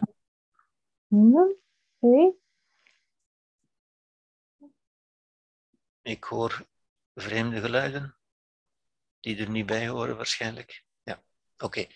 Ehm, eh, het, het boeddhisme heeft zich daar eigenlijk in de westerse wereld geïnstalleerd, met name in het westen van Amerika, in Californië, ja, waar ook nu nog altijd, zeker ook na de Tweede Wereldoorlog, in de Tweede Wereldoorlog is, is Amerika op diverse wijzen, niet altijd zo'n gelukkige wijze overigens, in contact gekomen, in nauw contact met Japan. Vele Japanners zijn ook naar Amerika gegaan, hebben die, die tradities meegenomen. En in Californië, west, eh, de westkust van, van Amerika, hebben zich bloeiende um, boeddhistische gemeenschappen gevormd, die er nog altijd zijn overigens, die nog altijd zeer actief zijn. En u weet, uiteindelijk is uit die Amerikaanse traditie is um, het overgewaaid naar, naar Europa. Europa komt altijd een beetje naar, naar Amerika wat dat betreft natuurlijk. Ja. Um, en is het boeddhisme naar, naar Europa gekomen, met name in de vorm die we nu kennen, en, of, of, of een vorm die we nu kennen, die de mindfulness is. Ja? Het is een Amerikaanse, Indisch-Amerikaanse arts die uh, de mindfulness-praktijk eigenlijk uit het boeddhisme gelicht heeft mindfulness is één van de praktijken van het boeddhisme. Dat is niet het hele boeddhisme, maar dat is een, praktijk uit het boeddhisme, uit het hindoeïsme trouwens ook, ja, die hij daar heeft uitgelicht en die hij heeft aangepast voor gebruik bij zijn patiënten. Zijn patiënten die terminale patiënten waren met onbehandelbare pijn mensen met, met, uh, met AIDS in die tijd, met terminale kankers en zo verder, uh, die, die men niet meer kon behandelen. Althans niet op medische wijze, zou ik zeggen. Ja? En hij, hij was zelf arts, heeft um, die praktijk gebruikt aangepast en geformaliseerd ook. Ja, um, in die training die men ook nu nog overal kan volgen tegenwoordig, die, die acht weken training, ja, um, om mindfulness te gebruiken, aan te bieden als, als praktijk ook. Ook dat is een praktijk, ook dat is geen magie, maar een praktijk. Um, om dat aan die mensen aan te leren, om hen te helpen om beter te kunnen omgaan met hun moeilijkheden, met hun moeilijkheden, met hun lichamelijke moeilijkheden in dat geval. Maar wat natuurlijk ook kan dienen om um, als levenskunst te midden van externe moeilijkheden, van de, van de moeilijkheden van het leven, doodgewoon. Ja? En daarmee is de cirkel, enfin, het is geen cirkel, daarmee um, zijn we terug in Europa gekomen, zou ik zeggen. Ja? Um, het was Jon Kabat-Zinn overigens, ik ben zijn naam vergeten te zeggen. Jon Kabat-Zinn, een, een Amerikaan met Indische achtergrond, die, die de mindfulness bij ons of in, althans uh, in Amerika, heeft ontwikkeld. En vandaar is het natuurlijk naar Europa gekomen. En de grote namen in Europa zijn natuurlijk uh, eh, Edelmaaks en, en, David de Wulf, die dat uh, in Europa, althans in België. Tishnatan bijvoorbeeld ook, die, die onlangs gestorven is, die, zich in Frankrijk gevestigd heeft. Een Vietnamese monnik, een Vietnamese boeddhistische monnik, die zich na de Vietnamoorlog, um, of, of bij de Vietnamoorlog, um, in Frankrijk gevestigd heeft. Oké, dat een beetje als, uh, als, als kader, als, ja, als kader van het boeddhisme en hoe dat dan weer terug bij ons is aanbeland en bij ons dan de aandacht heeft gekregen die het, uh, die het gekregen heeft en nog krijgt en vaak een beetje gezien wordt als een, ja. En natuurlijk bij ons is, is altijd de moeilijkheid. Wij leven, dat is ook die culturele context natuurlijk. Ik heb u gezegd, in het Westen zijn wij gewoon, of, denken wij heel vaak in die wetenschappelijke termen van oorzaak en gevolg. En de oorzaak leggen we vaak in de buitenwereld. Als ik mij niet goed voel, dan komt dat omdat er iets in de buitenwereld is wat mij, wat mij niet goed doet voelen. Wat maakt dat ik mij niet goed voel. Ja. Um, de tegenhanger daarvan is dat wij vaak geloven dat ook het welzijn uit de buitenwereld moet komen. Ja? Het welzijn dat ons dan door de geneeskunde bijvoorbeeld gebracht wordt, hè, die ons allerlei behandelmethoden en, en, en chirurgische methoden, maar ook farmacologische methoden en de hele farmacologie, uh, die van buitenuit mij geneest. Ja? En dat medische model is bij ons zo sterk ontwikkeld terwijl men in, in het Oosten bijvoorbeeld, maar ook in het Grieks-Romeinse humanisme, veel meer gaat denken van wat moet ik doen? Hoe kan ik mij helpen om mij beter te voelen? Denken wij in het, in het Westen veel meer, hoe kan ik iemand vinden die mij zal helpen? Wie kan dat voor mij doen? Wij zoeken dat veel meer in de buitenwereld. Ja? En in die context, zou ik zeggen, wordt um, mindfulness ook vaak, te vaak, ten onrechte, gezien als iets uit de buitenwereld dat iets voor mij zal doen. We zijn dat zo gewend. Hè? En zo werkt namelijk een geneesmiddel. Een, een echt medisch uh, farmacon, een geneesmiddel, ja, dat neemt u in, een antibioticum, dat neemt u in en dat werkt voor u. Dat doet iets voor u. U moet daar niks voor doen. U moet dat niet geloven of niet niet geloven. Dat werkt voor u. Wel, dat model is bij ons zo ingeburgerd dat wij ook denken dat men ook, niet iedereen, maar veel mensen, dat is een beetje onze mindset, dat wij denken, ha, dat zal iets voor mij doen. Ja? En de vraag die mensen dan ook vaak stellen is, zal dat voor mij iets doen? Zal dat voor mij werken? Ja? Waarop ik dan vaak een beetje de, de, de, ja, de, de niet graag het niet graag gehoorde antwoord geef. Ja, want mensen horen dat bij ons echt niet graag. Hè, van, van ja, sorry, niets zal voor u werken. Er is, en daar hebben we moeite mee, dat vinden wij moeilijk. Niets zal voor u werken. Ja? Dan lijken wij, ja, maar dan is het hopeloos. Nee, want u kunt werken. U zelf kunt werken. En dat, dat, dat past ook in wat ik heb gezegd over het boeddhisme natuurlijk. Hè. Het, zijn, het zijn adviezen die niet voor u zullen werken, maar waar u kunt mee werken. Die u zeggen hoe u kunt werken. En dat is met mindfulness eigenlijk net zo. U kunt daar iets mee doen. Ja? Ik heb ondertussen al voldoende mensen gezien die, die al drie keer mindfulness uh, acht weken gevolgd hebben en, en die zeggen, ja, dat werkt niet voor mij. En zie, dat is de westerse mindset. Ik, ik kom daar dadelijk op terug hoor, maar het, ik vind het zo belangrijk om dat, dat is al zo'n sprekend onderscheid eigenlijk. Hè? Dat werkt niet voor mij. Ja? Mensen beoordelen zo vaak hun, hulpverleners, dat, dat zie je overal. Gaat die dat voor mij kunnen doen of die, of ik heb de goede nog niet gevonden? Dan zeg ik, ja, niemand zal voor u werken. Niets zal voor u werken. Dat is het slechte nieuws. Maar het goede nieuws is, u kunt werken. U kunt iets doen. En dat is de Boeddha ook. Hè? De, de Boeddha is in u. U moet, of u kunt, u moet dat niet, maar u kunt de Boeddha in uzelf wakker maken. Het Boeddha-denken in u opnemen en eigenlijk in zekere zin daarmee een Boeddha worden. En dat is precies wat de Boeddha ook zei natuurlijk. Ja. Goed, ik ga hier vijf minuten onderbreken. We zijn 20 uur 36. Laten we om 20 uur 40 terug beginnen. Vier minuten, is dat genoeg? Dan ga ik eventjes. Oké. Ehm, u ziet op dit kaartje dus duidelijk die noordelijke route en die zuidelijke route hier, die, die meer zuidelijke verspreiding en die meer noordelijke verspreiding. En er zijn nog een paar namen daarbij te vermelden. Dus ik heb u gezegd, dit is het um, Theravada-boeddhisme. Of het, of het, uh, dit is wat men noemt het Mahayana-boeddhisme, ja, die natuurlijk ook, ik, ik zeg u die namen maar omdat u die ook in de literatuur terugvindt, um, die natuurlijk allebei van zichzelf zeggen dat zij de, de echte zijn, dat begrijpt u wel natuurlijk. Dus er is, ja, er is het Theravada wat dan ook het Hinayana, um, het boeddhisme wordt genoemd. Dat is het kleine voertuig, dat is die kloostertraditie.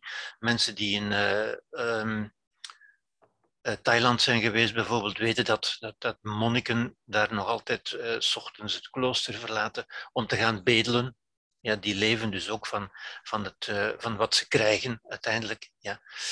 De kloostertraditie, vandaar dat men het Mahayana, noemt men de noordelijke route, noemt men ook het grote voertuig.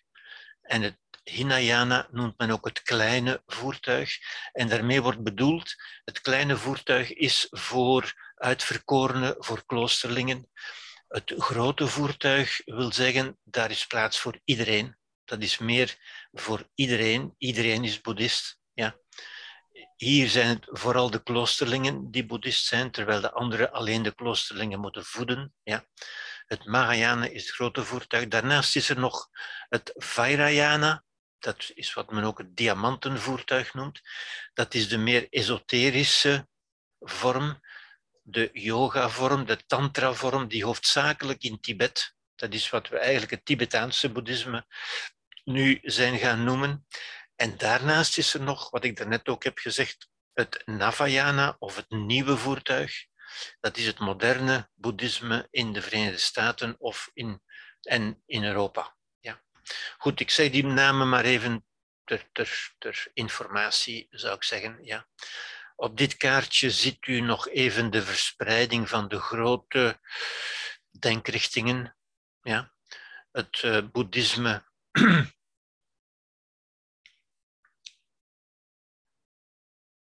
uh, hier het Vajrayana, het Mahayana, ja. Theravada, het zuidelijke hier, Mahayana, noordelijke en oostelijke. Ja. Um, dit is de islam en dit is nog het hindoeïsme. En u ziet in het, uh, in, het um, in, in India zelf is het, uh, is het boeddhisme eigenlijk um, minoritair geworden. Ja is het niet, niet, de voornaamste, niet meer de voornaamste. Op een bepaald moment is het boeddhisme zelfs verdwenen uit, uit India en leefde het alleen nog in China, in het, uh, in het oosten en in het zuiden hier. Ja. Goed, um, even ter illustratie, als we zeggen het boeddhisme, om te illustreren dat het boeddhisme niet bestaat, toon ik hier even de verschillende scholen van boeddhisme. U ziet hier weer die grote, Theravada, het Vajrayana, het Mahayana, die allemaal nog eens opgedeeld zijn in, in een groot aantal ja, uh, onderlinge verschillende scholen en, en schooltjes natuurlijk. Ja, waarvan het geen zin heeft dat u die allemaal zou, zou kennen natuurlijk. Het is een beetje, maar ze zijn allemaal, ze horen allemaal tot een boeddhisme. Ja? En waar ik het verder zal over hebben, ik ga daar verder niet op in, ook niet de verschillen, die zijn miniem uiteindelijk, omdat ze toch allemaal uitgaan van de leer van de Boeddha. En daar wil ik het nu even over hebben. Ja? Zoals ook alle scholen en denkrichtingen in het, in het christendom. Ja, u hebt ook het protestantisme en u hebt de evangelisten en de, weet ik veel die toch allemaal uitgaan van de leer van Christus ergens. Ja. Zo gaan ook alle vormen van boeddhisme uit van de leer van de Boeddha. En wat is nu eigenlijk de leer van de Boeddha? Wat is dus het centrum, het, het hart van het boeddhisme? Ja. Wat is de essentie, zou je kunnen zeggen? Ja. Wel, de Boeddha heeft dat zelf samengevat in wat men klassiek de vier nobele waarheden is gaan noemen. Ja? Met waarheden. Ik heb u dat straks gezegd, eh, er is geen waarheid natuurlijk. Hè. U moet waarheden ook niet zien als dogma's. Dat zijn geen dingen die u moet geloven, die u moet aannemen. Maar dat zijn weer dingen waarop u, uw aandacht wordt gevestigd en die u eigenlijk voor uzelf kunt vaststellen. Dat is ook hier weer de uitnodiging. Het zijn geen geloofspunten. Ja? U kunt het voor uzelf vaststellen. Ja? En u weet, de meeste mensen kennen dat nu wel. Ja? De eerste nobele waarheid is de waarheid van het lijden, wat men in het, Sanskriet dukkha noemt. Het is altijd interessant als u een beetje van die woorden kunt gebruiken, dan lijkt dat heel echt zo. Ja? En dukkha betekent eigenlijk wat zwaar omdragen is. Ja? Wat wij nu dus de stress zouden noemen, ja? de, de zwaarte van het leven. Ja? De zwaarte die je zo hoort bij. Dat is, dat, dat is dus niet alleen de, grote vormen van lijden, de grote, de grote trauma's of de grote dingen die verdwijnen uit je leven, die, die, die u, u, zwaar treffen, maar het, het, de zwaarte van elke dag zo. Hè, dat, dat wat u wat u ziet als u om u heen kijkt, uh, op, de, de, gezichten van de meeste mensen, u ziet weinig mensen die stralen van, van vreugde natuurlijk. U ziet bij vele mensen de zwaarte van het leven. Zo, hè. Wat u ook hoort uh, als u aan mensen vraagt, u, hoe, hoe, hoe maak je het? In dat antwoord van, ja, ik mag niet klagen zodat ik mag niet klagen, dat, dat, daar zit eigenlijk onder zo, eh, ik zou graag klagen, maar, maar ik mag niet klagen. En waarom mag ik niet klagen? Wel omdat wij zoveel hebben, natuurlijk. Omdat wij zoveel luxe en zoveel comfort hebben, dat we niet meer zien, dat we zo normaal zijn gaan vinden. Ja? Maar die paar dingetjes die niet zo goed gaan, hè? Ja, daar gaan we het nog over hebben natuurlijk. Hè? Dat is dus ook dat is de zwaarte die wij ervaren. Zo, hè? Dat is de eerste nobele waarheid. Er is lijden. Ja? Dat wil niet zeggen er is alleen maar lijden. Maar dat wil zeggen, er is veel lijden. Er wordt veel geleden. En ook dat, u, u moet dat niet geloven, u kunt dat voor uzelf vaststellen. Ja. Het tweede punt, um, dat is ook ja, dat lijden, ik kom daar straks op terug, of volgende keer waarschijnlijk meer. Um, het lijden is ook, het, het gaat heel gemakkelijk. Het is ook heel intuïtief. Iedereen kan het. Ja? Daar moet u niet veel voor nadenken of voor naar school gaan of een diploma voor hebben. Dat is doodeenvoudig, zou je kunnen zeggen. Ja? En daarom is er ook zoveel lijden. Ja? Omdat het ook zo gemakkelijk is. Ja? Uh, ik kom daarop terug om dat, om dat duidelijker te, te illustreren natuurlijk. Hè? Maar dat is de nobele waarheid van het lijden. Dat wil zeggen, er is gewoon veel lijden. Ja? Het tweede nobele waarheid is het begrijpen van de oorzaak van het lijden. En dat is al heel iets anders. Ja? Want ik heb u gezegd, in het Westen zien wij altijd, of zien wij intuïtief bijna, kijken we naar de buitenwereld. Wat heeft mij doen lijden? Ja? Als u naar mensen hun lijdensverhaal luistert, en die zijn er veel, er zijn veel mensen die lijden, en als u dan vraagt van hoe komt dat, ja, moet je eens horen wat mij overkomen is. Mijn kinderen hebben dit en mijn, baas heeft dat en mijn collega's doen zo en mijn buren doen zo en, en dan begrijp je toch wel dat ik lijd. Of dat ik mij niet goed in mijn vel voel, zoals men nu zegt, hè, maar vormen van lijden. Niet het grote lijden, maar het lijden. Het leven is toch zwaar. Ja? De Boeddha daarentegen, en daar kom ik natuurlijk op terug, want dat, dat is de essentie, het belangrijkste ook van deze lezingen natuurlijk. Hè. De Boeddha gaat daar eigenlijk meteen radicaal tegen in. Ja. Hij zegt meteen, en dat zal ik dus nog een aantal keren herhalen, om dat, om dat tot u te laten doordringen natuurlijk. Hè, want, want de moeilijkheid daarvan is inderdaad niet dat het zo moeilijk te begrijpen is, maar dat het ingaat tegen die intuïtie er is altijd iets in ons wat maakt dat wij naar de buitenwereld kijken. Het is niet omdat wij zo dom of zo slecht of zo lui zijn, maar omdat dat intuïtief is bij ons. Ja? Dat is natuurlijk een ander verhaal dat ik zou kunnen houden, wat ik nu niet ga doen, maar dat zit een beetje in ieder van ons. Wij zijn allemaal een beetje zwartkijkers. Ja? De Boeddha gaat daar tegenin door te zeggen, nee, het zit in ons. De oorzaak van het lijden zit in ons. Met name is het onze onwetendheid. Ja. Onwetendheid wil zeggen de onwijsheid. Ja. Onwetendheid wil niet zeggen dat je de kwantumfysica niet begrijpt of de relativiteitstheorie van Einstein, maar dat je die levenswijsheid niet hebt opgenomen die het boeddhisme u hier in zo'n handig verpakt aanreikt maar die ook op andere momenten, die ook uit het Grieks-Romeinse humanisme komen bijvoorbeeld, ja, maar dat die levenswijsheid ons niet genoeg wordt meegegeven. Wij leven in een cultuur die dat niet doet, waar wij inderdaad leren en, en voortdurend voorgeleefd worden dat we moeten in de buitenwereld kijken, dat daar de oorzaak ligt. Of in het verleden, of in uw trauma's, of in uw wonden of kwetsuren, enzovoort enzovoort. Ja? Nee, zegt de Boeddha, en dat is inderdaad al een heel radicale benadering, zou ik zeggen, ja? die, die ik verder zal toelichten natuurlijk. Hè. De Boeddha zegt nee, het zit in ons.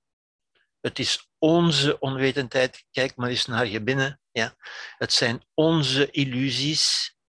Ja. Het zijn onze begeerten. Het zijn onze gehechtheden. Dat zit allemaal in ons. Het is wat men nu zou noemen, en ik zal dat woord ook later toelichten, onze cognitieve dissonantie. Ja, ik ga daar nu niet op in, ik kom daar later op terug. Ja. Dat is de nobele waarheid van de oorzaak van het lijden. De oorzaak zit in ons. Ja?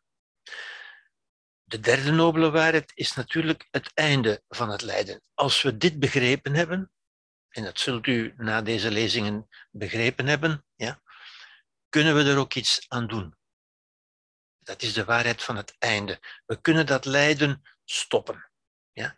Niet na, na tien jaar therapie of niet na, na weet ik veel, maar gewoon door redelijk na te denken. Door redelijk om te gaan met de adviezen die de Boeddha, als u die tot u neemt, dan stopt u lijden. Dat is wat de Boeddha, wat het boeddhisme eigenlijk als programma voorop stelt en, en belooft eigenlijk. Ja? Een hele radicale, dus ja, waar ik natuurlijk ook zal op terugkomen. Ja? Dat is het, het zogezegde nirvana. Ja? Het nirvana is het omgekeerde van het lijden natuurlijk, is het ontwaken. En het ontwaken is een belangrijk woord in het boeddhisme. Het, het wakker worden, het verlicht worden. Ik heb dat straks over de verlichting gesproken. Wel, dat is het. Verlichting wil alleen maar zien, wil alleen maar betekenen de ware aard van de realiteit gaan zien. Zien en begrijpen. En dat is het einde van de onwetendheid. Hè? Met andere woorden, de Boeddha zegt je lijdt omdat je de ware realiteit niet ziet. Omdat je leeft in illusies, met begeerten, met gehechtheden. Ja? Ik kom daar allemaal op terug hoor. Ja? Maar eigenlijk zit in dit programma, zit, als u het goed kunt lezen, is dat een samenvatting van de hele leer, inderdaad. Ja? En het vierde punt is natuurlijk de nobele waarheid van het achtvoudige pad, wat ik u dadelijk zal toelichten. En dat gaat over de diverse aspecten van het leven. Dat is de praktijk. Het pad is de praktijk. En dat pad wordt klassiek voorgesteld als een achtvoudig pad. Ja? Een achtvoudige praktijk. Dingen waar je moet op letten. Als wegwijzers, zou ik zeggen. Ja? En nogmaals, een wegwijzer gaat u niet vereren of aanbidden. U volgt het advies wat daardoor gegeven wordt. Ja? Dat pad wordt heel vaak voorgesteld als de acht spaken van het wiel van de Dharma ik, ik gebruik die een beetje rare formulering, omdat die ook in de literatuur zo gebruikt wordt. Ja? Op, dat wiel kom ik straks ook nog terug natuurlijk. De dharma is eigenlijk de leer. Ja? En de leer wordt ook wel als een wiel voorgesteld op deze manier. Een wiel met acht spaken. Dat is een afbeelding die u in de boeddhistische context of in boeddhistische huizen of tempels vaak zult terugkomen, of in boeken enzovoort. Ja. En die acht spaken stellen voor acht dimensies, acht aandachtspunten zou je kunnen zeggen. Ja? Acht punten waar u zich moet mee bezighouden, waar u iets moet mee doen. Ja? Dat is een andere voorstelling, maar dat is in wezen dezelfde natuurlijk. Ja? En die, die grafische voorstellingen zijn niet onbelangrijk. U, u begrijpt natuurlijk, het boeddhisme is ook vaak onderwezen dat zal dadelijk nog duidelijker worden, aan mensen die nauwelijks konden lezen en schrijven. En dan werd dat aan de hand van die makkelijk te onthouden grafische voorstellingen. En dat vind ik ook het, het belang. Grafische voorstellingen zijn belangrijk. Ja. Dat is een beetje zoals, zoals, zoals in, de, in de gotische kathedralen in, in Europa. De, de brandramen waarin de dingen verteld worden de vorm van figuren waar je kunt naar wijzen en die je kunt onthouden. Wel, dit is ook zoiets. Ja? En die acht spaken zijn om te beginnen de juiste zienswijze, dat we zeggen de juiste manier van kijken naar de werkelijkheid. Een manier van kijken naar de werkelijkheid, ja? Een zienswijze is wat wij nu noemen theorie. Ja? En ik gebruik dat woord met opzet, omdat veel mensen bij ons daar een aversie van hebben, van theorie. Ja, maar nee, ik wil geen theorie, ik wil praktijk. Ja? Maar de theorie is de praktijk. In de zin dat het is een zienswijze. Theorie komt van het Griekse woord theorein, dat we zeggen kijken. Het is uw manier van kijken. Als u op de juiste manier naar de dingen kijkt, dan kunt u de dingen zien zoals ze zijn. Wakker worden tot de ware aard van de werkelijkheid. Ja? Het is niet alleen kijken, het is ook denken, er op een juiste manier over denken, er op een juiste manier over spreken. Dat, u ziet, gaat natuurlijk samen. Ja? Het denken is het spreken tegen uzelf. Het is denken doen wij net zo goed met woorden bij onszelf, in zinnen, in woorden. Ja? En dat, is, dat gebruiken we ook als we spreken tegen anderen. Ja? En die woorden komen uit onze zinswijze, dus het hangt allemaal nauw samen natuurlijk. Ja? Het juiste handelen, het juiste doen, ja? ziet u, dat is zeer praktisch. De juiste dingen doen. En dat kunt u maar als u op de juiste manier gekeken hebt en op de juiste manier denkt over de dingen. Hoe weet u wat u moet doen? Door daarover te denken. Ja? Het denken gaat vooraf aan het doen. Er is geen doen waaraan geen denken is vooraf gegaan. Ook als het automatisch is gebeurd, ook als u het maar doet omdat u het altijd zo gedaan hebt, ja, dan is er toch een denken aan vooraf gegaan. Ja. Het juiste levensonderhoud, de manier om in uw leven te, te voorzien, in uw overleving, in uw levensonderhoud, de juiste inzet, waar zet u zich voor in, de juiste motivatie, zouden we nu zeggen, ja, waarvoor um, wil u uw leven inzetten? Wil u doen? Wat wil u? Ja, het gaat ermee samen natuurlijk. Ja. De juiste aandacht. De juiste aandacht heeft iets met, met meditatie te maken ook. Ook iets met denken. Natuurlijk, die dingen overlappen elkaar, dat is duidelijk. Ja. En de juiste concentratie. Ja. Die laatste twee worden vaak als synoniem gezien voor uh, mindfulness. Dan is de vraag natuurlijk, want dan, dan zegt u natuurlijk, ja, als u al die dingen juist doet, dan, dan zal het natuurlijk wel goed zijn. Hè?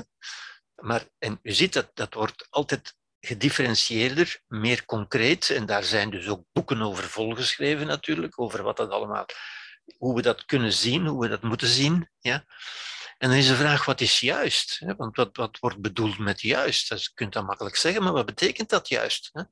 Wel, ook daar heeft de Boeddha een, een eenvoudig verhaaltje voor. Een eenvoudig verhaaltje. En die verhaaltjes leiden altijd tot een inzicht. Maar op een andere manier dan, dan door een filosofische discussie, door een verhaaltje te vertellen. Ja? Met andere woorden, door een gedachte-experiment, door u een voorstellingsexperiment te doen. En hij zegt, denk eens aan de snaren van een luid. Ja? Die snaren worden op een bepaalde manier gespannen. Als u die snaren te veel spant, dan ontstaat er een schril en scherp geluid. Dat is niet mooi om naar te luisteren, dat is geen muziek. Als u ze te slap spant, niet genoeg, dan is dat een dof geroffel en gerommel, dat is ook geen muziek. Alleen als u die juist spant, ontstaat er juiste muziek. Dus dat is niet het omgekeerde van verkeerd, maar wel gepast, adequaat goed juist gespannen. Zo, het wordt afgemeten aan het resultaat. Ja? Herinner u het onderzoek? Het onderzoek is naar het resultaat. Ja? Niet naar de filosofische juistheid, maar naar het resultaat. Ja? Als ik dit of dat geloof wat de Boeddha mij zegt, wat is dan het resultaat in mijn leven? Is mijn leven dan beter? Is dat mooier? Is dat, is dat aangenamer? Ben ik een betere en een mooiere mens voor anderen? En zo verder. Ja? Het resultaat is wat telt. Wel, het is zoals de snaren van een luid. Als de snaren van een luid. Ja? Als er mooie muziek uitkomt, dan weet u dat is de juiste spanning. Ja? Oké. Hier ziet u nog zo'n voorstelling van het uh, achtvoudige pad, het wiel met acht spaken.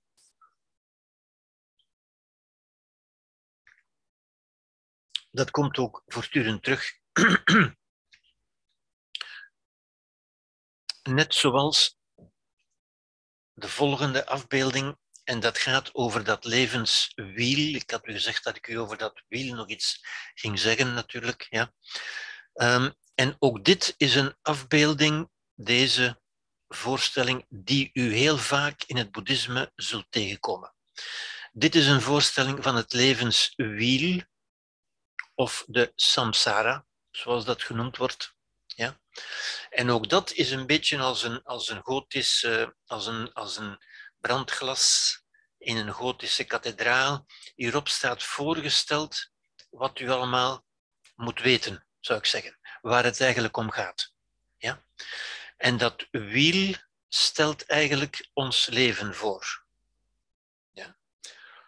Het is ook het wiel van de Dharma, omdat dat ook is de, de leer over ons leven, natuurlijk. Hè? Dit, dit is een voorstelling van ons leven en van de leer over ons leven, natuurlijk. Ja? En het eerste wat wat hierbij opvalt, of een van de eerste dingen, dat, in het begin lijkt dat natuurlijk heel, heel confuus. Wat staat hier eigenlijk? Dat zit natuurlijk vol symboliek. Net zoals in de, in de kerkglazen, kerkramen van de gotische kathedralen natuurlijk. Ja. Weer om dat te kunnen aanwijzen, hè, bijna met een stok van kijk, hier vind je dit en hier vind je dat. En het eerste wat je hier vindt is dat dat wiel, ik ga maar een paar dingen zeggen natuurlijk, want we hebben niet zoveel tijd daarvoor, dat dat wiel zich bevindt in de bek van een monster. Dit is het monster. Dit is zijn bek, zijn tanden, zijn klauwen, hier en hier, ja, en hier en hier. En die heeft dat wiel vast. En dat monster kan natuurlijk, hè, dat, dat is de boodschap zou ik zeggen, hè, dat monster kan op elk moment toehappen. Ja? En dat illustreert, dat doet er u aan denken, van bedenk mens dat alles in uw leven veranderlijk is. En niet alleen veranderlijk is, maar dat het ook op elk moment kan verdwijnen. Het kan ophouden. Ja? Het bewustzijn van de eindigheid, het, de dood, het memento mori van de, van de klassieke Grieks-Latijnse filosofen. Bedenk dat je doodgaat. Ja? Het is er niet voor altijd. En het, is, het, het kan op elk moment. Ja, het is onvoorspelbaar. Er is geen zekerheid, er is geen veiligheid en zo verder. Ja? Dat is het eerste wat hierbij opvalt, natuurlijk. De eerste lering, iets wat, de, wat het boeddhisme ook vaak over spreekt, over de veranderlijkheid. Wat natuurlijk, u begrijpt het al, ingaat tegen ons westerse verlangen naar zekerheid, veiligheid, bestendigheid, niets mag veranderen en zo verder. Ja? Boeddha zegt, vergeet dat maar, er is geen veiligheid. Er is geen zekerheid. Alles wat er is, met inbegrip van het leven van mensen om u heen, met inbegrip van uw eigen leven, kan op elk moment ophouden er te zijn, ophouden te bestaan. Het bevindt zich in de onzekere greep van een monster. Ja? Goed. Um, ik, ik heb er een paar tekeningen naast gezet om het een beetje duidelijker te maken. Dit is hetzelfde, maar in, in een wit-zwart tekening, waardoor het wat duidelijker wordt. En nog duidelijker als ik de details weglaat en als ik u dit toon. Ja, en dan ziet u, dit zijn de grote gebieden, die taartstukken hier, ja, die zes, die hier ook staan, maar hier staan ze een beetje duidelijker natuurlijk. Dit zijn de grote gebieden van het leven. Met name de grote ervaringen van het leven. Ja? Dat zijn ervaringen waar u kunt doorheen gaan. En die men benoemt met namen die een beetje niet zo vanzelfsprekend zijn, maar die ons toch moeten doen herinneren aan de wisselvalligheden van het leven. Ik zal u dat dadelijk ook een beetje toelichten. Ja? De goden bijvoorbeeld zijn mensen die het heel goed hebben, in hun leven, die het getroffen hebben, ja, die als God in Frankrijk leven, zou je kunnen zeggen. Ja. Daartegenover staat natuurlijk de helbewoners, mensen die zeggen mijn leven is een hel. Ja. En dat zijn gebieden, ervaringen waar u kunt in terechtkomen. Uw leven kan een hel worden. Uw leven kan op een bepaald moment een goddelijk leven lijken. Maar het boeddhisme zegt dat wiel dat draait. En dat kan ook altijd verkeren. Ja.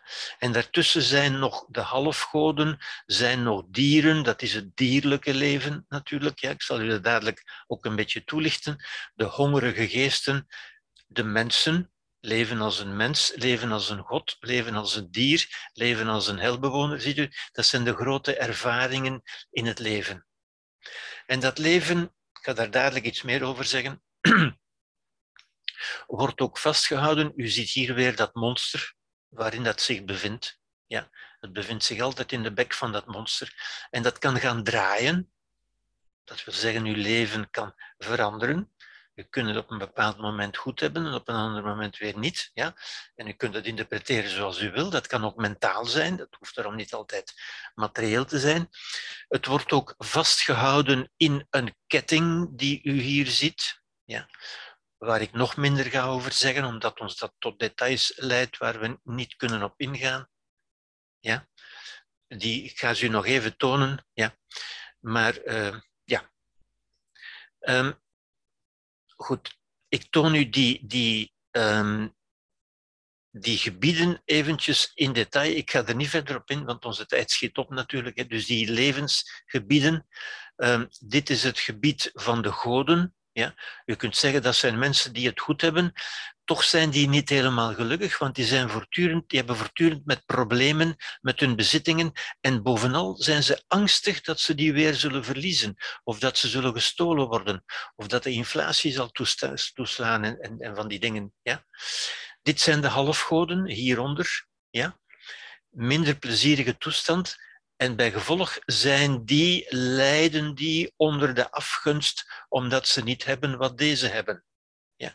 Dus u ziet, het zijn, allemaal, het zijn eigenlijk allemaal vormen van lijden. Ja.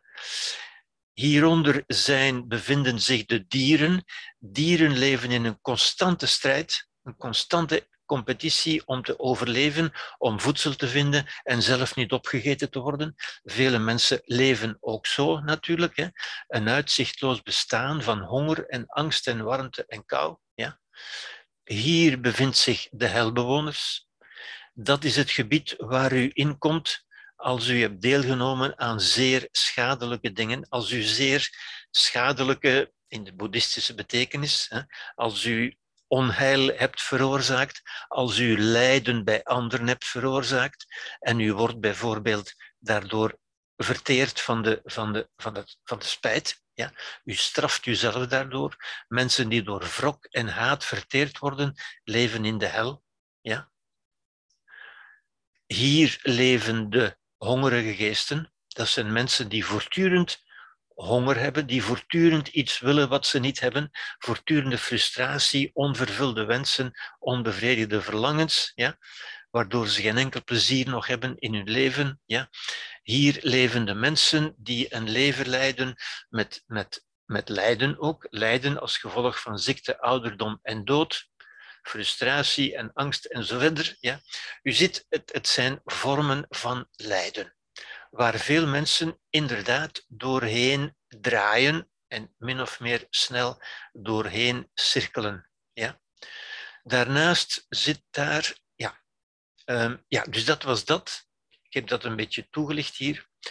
Uh, over die ketting, die kleinere, hier ga ik het nu niet hebben, want dat gaat ons te ver leiden. Maar u begrijpt, het is eigenlijk de, de cyclus van het lijden. Het is eigenlijk de eerste waarheid. Er is lijden. Vele mensen lijden in één op één van die manieren, zou je kunnen zeggen. Ja?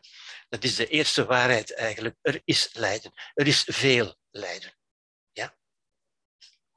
De tweede waarheid staat eigenlijk in het midden hier. En in het midden staat de oorzaak van het lijden. En hier is dat kort samengevat in de drie belangrijkste misleidingen, dat we zeggen misverstanden, misfoutieve, illusoire ideeën die men heeft, ja, die ik een beetje duidelijker stel hier, dat is het midden. Ja, dat is dat midden dat hier staat, stel ik hier een beetje groter voor. Ja. En daarin zijn drie dieren afgebeeld. En dat is ook zo'n manier van voorstellen weer. Hè. Uh, op, een, op een voorstellingswijze met dieren, die dat gemakkelijk maakt. En u ziet, er is hier de haan, die, die vogel, dat soort vogeldier, is een haan, de haan van de gehechtheid aan dingen. Ja? Dit is de slang van de afgunst. En die komen allebei, en dat is het interessantste, uit de bek van dat varken hier. En dat varken is het varken van de onwetendheid. Ja? En dat is het ook. Hè. De, Boeddha zegt het lijden komt uit onze gehechtheden, onze, onze begeerten en zo verder, en onze afgunst. Maar eigenlijk zijn die allemaal terug te voeren op onwetendheid. En onwetendheid, nogmaals, is het gebrek aan levenswijsheid. Het gebrek aan redelijkheid ook. Ja? Onredelijke verlangens, onredelijke gehechtheden, ja? die getemperd en gemilderd kunnen worden naarmate we meer wijsheid. En die wijsheid is natuurlijk de boeddhistische wijsheid. Ja, die eigenlijk gewoon de menselijke wijsheid is, die ook de wijsheid is bij de Grieks-Romeinse filosofen bijvoorbeeld, bij Socrates, ja, maar ook voor een stuk bij Christus natuurlijk. Ja. Goed. Um, ik had u gezegd dat ik nog iets zou zeggen over het verband, of, of dat ik het een beetje tegenover elkaar zou stellen. Ik heb u hier getoond hoe het Oosten denkt over het leven. Dit is de voorstelling van het leven. Ja? Ik ga daar straks nog iets aan toevoegen. Maar we kunnen hier begrijpen wat de westerse psychotherapie doet. Ja? De westerse psychotherapie gaat natuurlijk uit van hetzelfde fenomeen, namelijk er is lijden. Ja, het zijn alleen mensen die lijden, die zich tot een therapeut wenden, natuurlijk. Ja. Er is lijden, er is veel lijden in onze samenleving. Ja. Wat doet het Westen? Wel, het Westen heeft een cultuur van reparatie, genezing. Het idee van ziekte en genezing is een zeer westers idee. Het idee van herstel ook. Herstel is, er is iets fout, er is iets misgelopen, zoals we zeggen. Er is iets fout gegaan en dat moet hersteld worden. Dat moet gerepareerd worden. Een typisch westers idee, zou ik zeggen. Hoe doen we dat? Wel, door orde en inzicht te brengen in die lijdenspatronen, die neurotische zoals we dat dan noemen, die neurotische lijdenspatronen van de samsara. Want de mensen lijden natuurlijk op dezelfde manier in het oosten en in het westen. En we brengen dat inzicht door ernstige en vooral loodzware psychiatrische diagnoses met oorzaken en factoren in het verleden, met wonden en kwetsuren en met behandelingen. Al die woorden kent u toch uit de westerse psychotherapie en uit de westerse psychiatrie. Ja. We proberen gedachten, voornamelijk van het verleden, te verdrijven, te bestrijden, te overwinnen of te vervangen door andere gedachten. Dat is de cognitieve therapie. Ja? Maar door dat te doen, blijven we gevangen. En dat is het belangrijke inzicht, zal ik u dadelijk tonen ook. Ja? Blijven we gevangen binnenin de ego-logica van de samsara, de logica van het ego. We blijven in het ego-denken, met andere woorden, de ego-logica van de samsara. De samsara is dat grote gebied, die, die voorstelling van het leidende leven. Ja? En in het Westen is er toch die idolatrie van het lijden, waarmee ik bedoel dat in het Westen het lijden als iets heel ernstig en diepzinnig wordt gezien, ja, met ernstige en loodzware psychiatrische diagnoses. Ofwel bent u ziek en moet u genezen, ofwel bent u een heel diepzinnig iemand. Ja. De slachtoffercultuur, de klaagcultuur, de kwetsbaarheidscultuur en zo verder. Ja. Wat allemaal doet denken aan die verering van die lijdende Christus. En de icoon, een van de belangrijke iconen in het Westen, symbolen van het Westen, is toch de leidende Christus op zijn kruis. En dat wordt als een belangrijk idee, als een diepzinnig idee, als iets waar we moeten mee bezig zijn, waar we ons ook lang, dat is nu wel wat minder, maar ons toch ook lang schuldig over moeten voelen, want wij hebben dat eraan bijgedragen. De Christus leidt toch door onze zonden en zo verder. Wij zijn slecht en de Christus is, is, heeft geleden door onze slechtheid en wij moeten gered worden, wat we in het beste geval zal dat gebeuren als we ons behoorlijk gedragen en goede geboden en verboden opvolgen. Ja? Ik karikaturiseer natuurlijk een beetje, maar toch niet veel. Ja? Dat is een beetje de westerse mindset. De westerse mindset en die, die dit, de, de redding uit het lijden door het geloof of de genezing uit het lijden door de medische wetenschap. Ja? Als ik dat, dat wordt vaak ook gezien als een moeizaam en langdurig proces. Vaak wordt dat gesteld in termen als werken en als vechten ook ja, die, die, die oorlogsretoriek is overal aanwezig in het Westen. Vechten, strijden ja, of werken. Ik moet nog aan mezelf werken, ik moet aan mijn relatie werken enzovoort. Ja. En als u dat woord uitspreekt, dan voelt het al moeizaam. U voelt al de zwaarte, dat is al dukkha, zou ik zeggen. Hè? De zwaarte. En bovendien, ja, dat zal toch lang gaan duren. Hè? Dat wordt ons ook voortdurend gezegd. Dat zal een lange therapie vergen westerse gedachten. Als ik dat voorstel op de, op de samsara hier, wel, dan zien we dat, dat dat uiteindelijk, en dat is ook wat ik bedoel, hè, we gaan van het ene gebied naar het andere, ja, maar we blijven gevangen in die samsara. En dat is wat we ook zien. Veel mensen zijn bij ons jaren in therapie of jaren in de kliniek met, met dure en langdurige en moeizame behandelingen. En dat blijft maar duren. Ja. Dat is het lijden in de westerse wereld. Ja. En iets wat de Boeddha natuurlijk ook gezien heeft en goed begrepen heeft, want dat was in zijn wereld natuurlijk net zo. Mensen lijden overal op dezelfde manier. Ja. Maar de aanpak is niet dezelfde natuurlijk. Dit is de westerse aanpak. Eindeloos, moeizaam. Wat is de Oosterse benadering, zou ik bijna zeggen?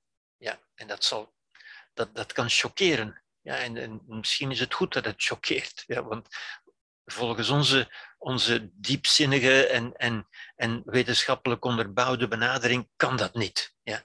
Het Oosten zegt, heeft een, geen cultuur van reparatie en genezing, maar van inspiratie, inzicht en creatie.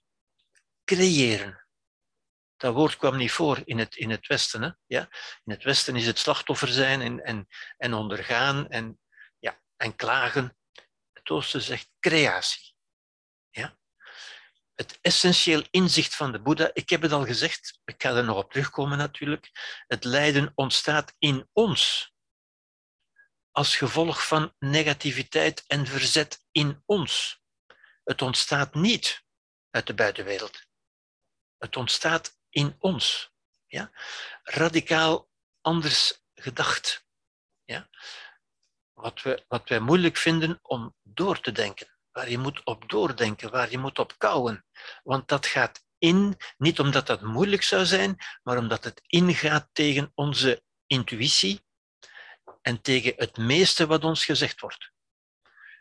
Want het, het klagen en, en de, de klaagcultuur en de slachtoffercultuur is toch meestal, ik leid, maar ik kan er niks aan doen. Met andere woorden, het komt niet uit mij hoor. Nee, nee, het zijn de anderen. Het zijn de anderen of het leven of de omstandigheden, maar niet ik. Ik kan daar niks aan doen. Ik ben slachtoffer. Dat is de westerse kreet. Het oosten zegt, het lijden ontstaat in ons. Radicaal verschuiving van de, van de focus, zou ik zeggen. Ja? Einde, het einde van het lijden, en daar kom ik ook op terug natuurlijk, hè. ik zet het hier in één zinnetje, maar ik kom er uitgebreid op terug. Het einde van het lijden, als we dit begrijpen, dat het lijden in ons ontstaat als gevolg van negativiteit en verzet, wel dan kan het lijden beëindigd worden door het opgeven van het verzet, met name door aanvaarding, door wakker te worden uit de illusie. Welke illusie? Wel dat het uit de buitenwereld zou komen. Wakker te worden uit de droom. Welke droom? Dat het uit de buitenwereld zou komen. En de dingen zien zoals ze zijn, namelijk dat het in ons ontstaat. Lijden ontstaat in ons. Ja? En mensen zeggen dan ja, maar dat, dat is toch niet te aanvaarden? Dat is onaanvaardbaar.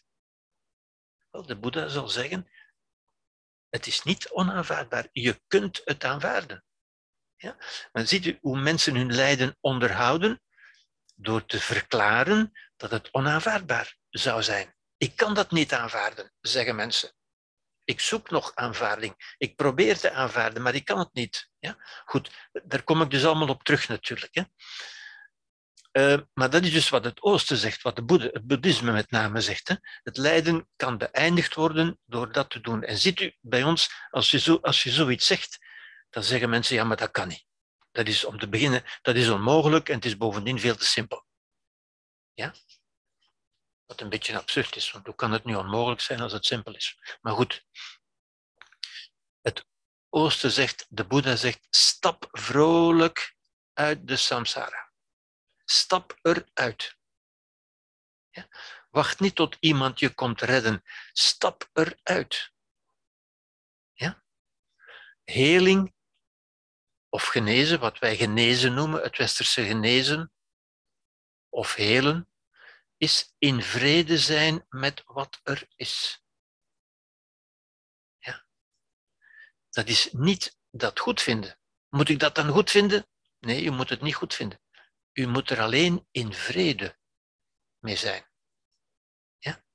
Het blijft eventueel totaal verkeerd, u hoeft het niet goed te keuren, maar u kunt er toch vrede mee maken. Niet, het is niet eerst alles in orde maken. Als u eerst, dat is wat veel mensen proberen te doen. Als u alles in orde maakt en alle mensen uh, doet zwijgen die niet mogen spreken en alle omstandigheden aanpast aan wat u wil, dan is het niet moeilijk om je goed te voelen natuurlijk. Ja? Maar de Boeddha zegt, in de meeste gevallen kun je dat niet. En toch in vrede zijn. Ja? Het is dus wel het overstijgen, de transcendentie, om een moeilijk woord te gebruiken. Transcendentie wil alleen maar zeggen erover stappen. Ja? Een grens overschrijden, grensoverschrijdend gedrag. Maar uw eigen grenzen in dit geval overstijgen van het zelf en van de ego-logica door het doorzien en loslaten van de illusies van het denken, het ego dus. Ziet u, allemaal dingen, ik, ik vat het hier allemaal samen, dit is, dit is allemaal essentieel, zou ik zeggen, maar allemaal dingen waar mensen op zeggen van alleen meneer, dat is toch niet serieus, dat kan toch niet. Ja? Als ik dat eventjes voorstel hier, Ah ja, uh, dat is ook wat mindfulness doet natuurlijk, maar ik, ik, wil u, ik zal daar zelfs op terugkomen. Dat is hier, als we, um, dus dit is de westerse benadering. De Boeddha zegt, ja, en dat is natuurlijk onaanvaardbaar, ongelooflijk voor mensen die al jaren zitten te worstelen en te vechten en te strijden en, en te behandelen en pillen te slikken en zo verder.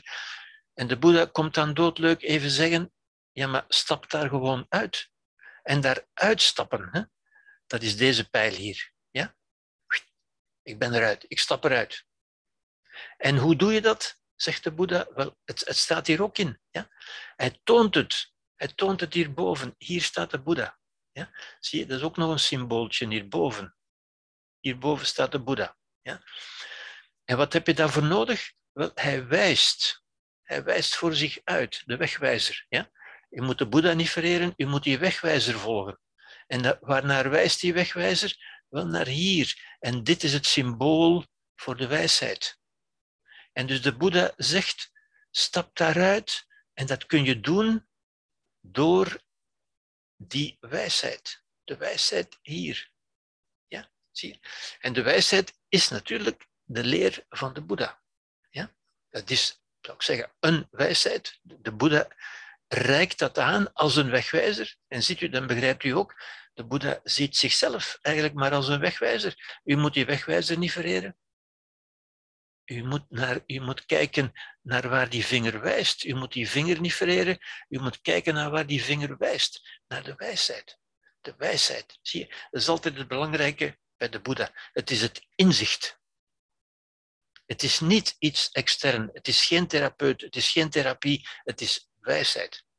Therapie kan dat doen, zal dat in vele gevallen ook doen, maar kan het alleen maar doen als ze die wijsheid aanreikt. Wat werkt in een therapie is dat u dit verlaat door de wijsheid. Door het inzicht. Als u dat gaat zien, als u daarvan een beetje de, de absurditeit gaat zien, van de ene psychiater, en ik zie regelmatig zo mensen natuurlijk, hè, van de ene psychiater naar de andere psycholoog, naar nog maar eens een opname, naar nog nieuwe antidepressiva. Een lijdensweg, ja, waarbij wij natuurlijk het hoofd eh, diep gaan fronsen en gaan, en gaan kijken wat is hier de oorzaak in het verleden, trauma's enzovoort. Ja. De Boeddha zegt, glimlach daarmee, stap daaruit. En je stapt daaruit ja? Natuurlijk, als u dit gaat zeggen tegen mensen, eh, ik weet dat natuurlijk ook, hè, dat kun je zo niet zeggen tegen mensen die inderdaad gevangen zitten in dat lijden.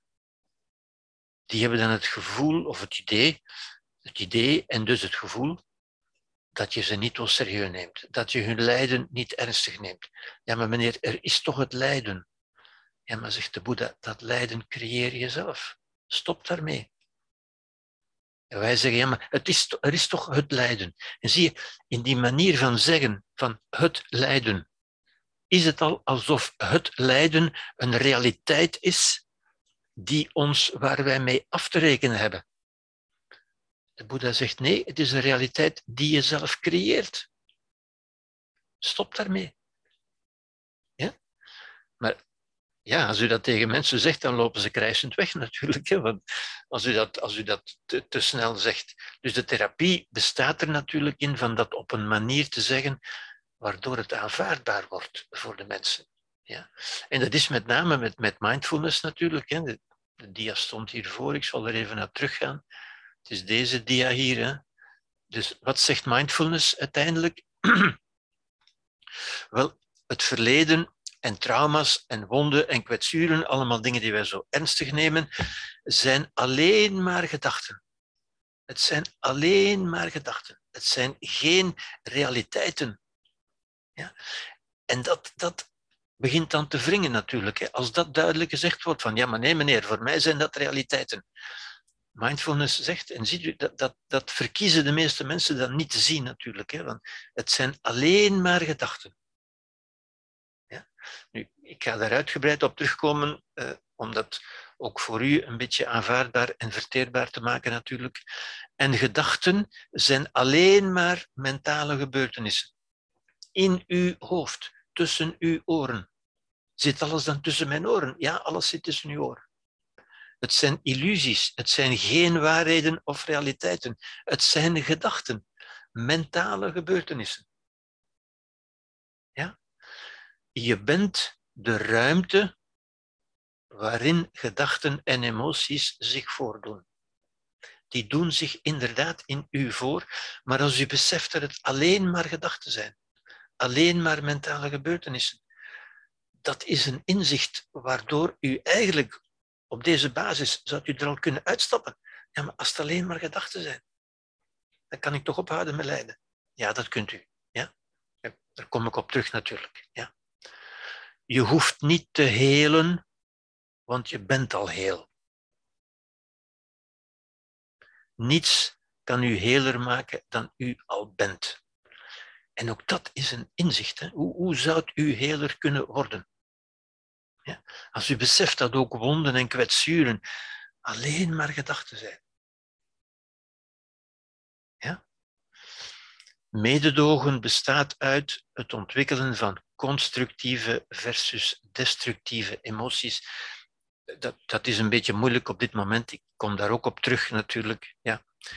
En ik zou zeggen, het is word wakker, leef hier en nu in wijsheid. Dat is wat de Boeddha zegt. En natuurlijk, daar ga ik het nog uitgebreid over hebben. Kant, kom weer even terug op Kant. Kant zegt verlichting is durven het eigen verstand te gebruiken. De redelijkheid, de wijsheid. Ik zou dat durven stellen tegenover de, de, het, het cliché tegenwoordig van durven je kwetsbaar op te stellen. Ja? Ik zou zeggen, durf een keer het eigen verstand te gebruiken in plaats van te durven je kwetsbaar op te stellen. Als je begrijpt dat je kwetsbaarheid alleen maar gedachten zijn. Je bent niet kwetsbaar, er zijn geen wonden en kwetsuren. Maar goed, daar kom ik allemaal op terug natuurlijk. Ja. En dat zit dus ook in deze, ja, in deze voorstelling. Ja. Waarom ik die ook zo, zo mooi vind, want dit kunt u met u meenemen. U, kunt die, u kunt die projecteren op het scherm van uw, van uw geest, van uw mind. Ja. U kunt daar in uw mind naar kijken, u kunt dat in u opnemen, u kunt daar een mentale foto van maken en dat in uw geest bekijken en dat overwegen en daarover mediteren. En dat wil zeggen, daar diep over nadenken. Ja. Goed. Zoals de hele westers, men zegt soms de hele westerse filosofie kan gezien worden als voetnoten bij Plato. Wel, zo zou ik zeggen, de hele westerse psychotherapie kan gezien worden als voetnoten bij de Boeddha. Die essentiële inzichten van de Boeddha. Ja. Dat is natuurlijk waar ik zal op terugkomen. Ja. Oké. Hier heb je nog eens het achtvoudige pad, maar hier ga ik dan volgende keer mee, mee verder. Ja. En met dit mooie plaatje zal ik dan voor deze keer eindigen.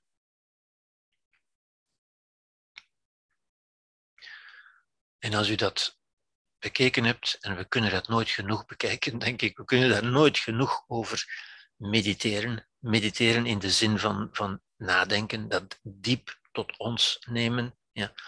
Zoals Tishnatan het ook altijd zegt, diep nadenken. Ja. Dan kunnen we, het is nu um, ehm, 33 zie ik, dan hebben we nog wat tijd over voor vragen die hierbij zijn.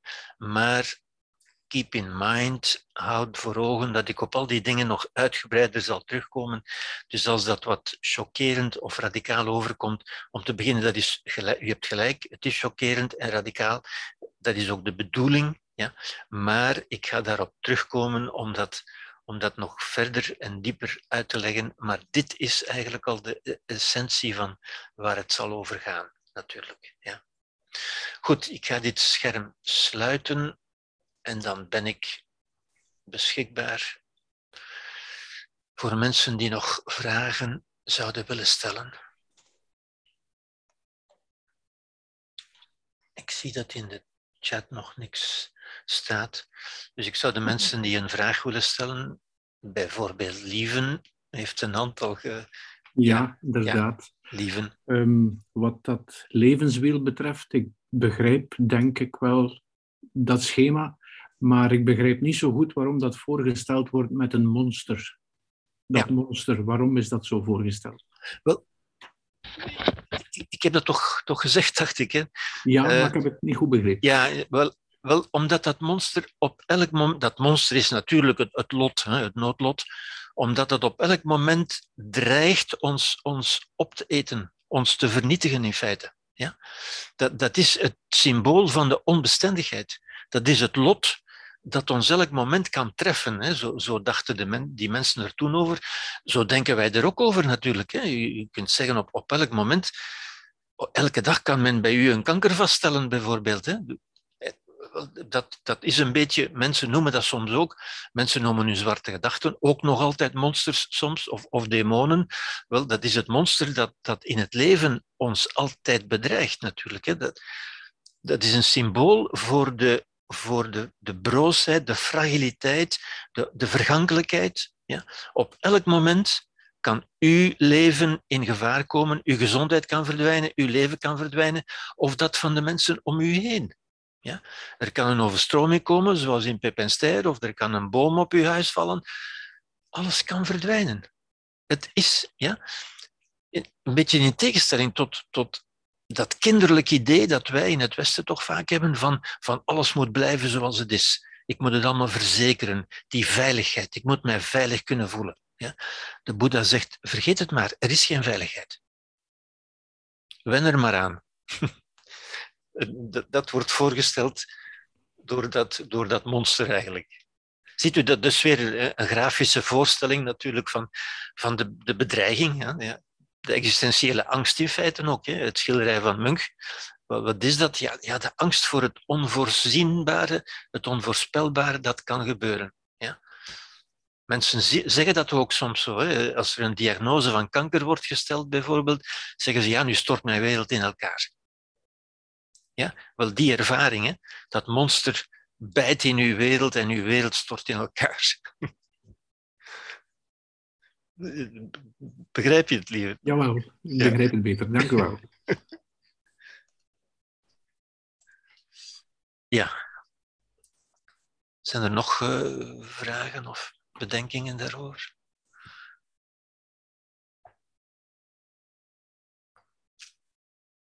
Ja. ja, ik heb een bedenking. Als je, als, als je, als ja. je met een, een handicap geboren wordt ja. en je, je hebt pijn gans je leven, ja. dan denk ik toch dat je daaronder lijdt, omdat je niks kan doen van wat je wil doen. En ja. ja, dat is zeer beperkend. Op dat moment vind ik dat er lijden is. Mensen die, die, die geen middelen hebben, die, ja, die hebben ook lijden, vind ik. Ja, dat, ik, ik hoor dat u dat vindt en veel mensen zullen dat vinden. Dat zijn onze vondsten natuurlijk, hè, wat wij daarvan denken. Ja? ja, maar dan is er toch medegevoel nodig. Dan is er toch, ja. Dat is het mededogen van, van de Boeddha natuurlijk. Hè. Maar de Boeddha zegt ook... de leer, vind ik, van de Boeddha. Dat, dat er mededogen nodig is. Dat is ook, de Boeddha maakt ook, en ik zal daar ook op terugkomen, wat jij noemt, wat jij noemt nu, wat jij noemt, zijn feitelijkheden. Ja? Mhm. Een handicap is een feit. Mhm. Ja? Um, tekort hebben of, of, of uh, dat, dat zijn feiten. Ja? Mhm. Waar wij, waar de meeste mensen een lijden van zullen maken. Maar op zich is dat geen lijden zelfs de pijn die je noemt, pijn is geen lijden. Er is een verschil tussen pijn en lijden. Maar ik zal daarop terugkomen hoor, want het is een beetje te veel om het allemaal op één keer te zeggen natuurlijk. Hè.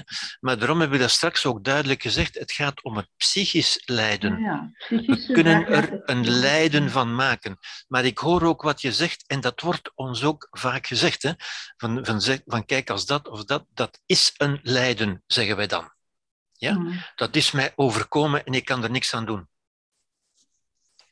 Nee, die omstandigheden zijn u overkomen. Maar wat je mm. ermee doet, daar kun je wel degelijk iets aan doen. Soms niet.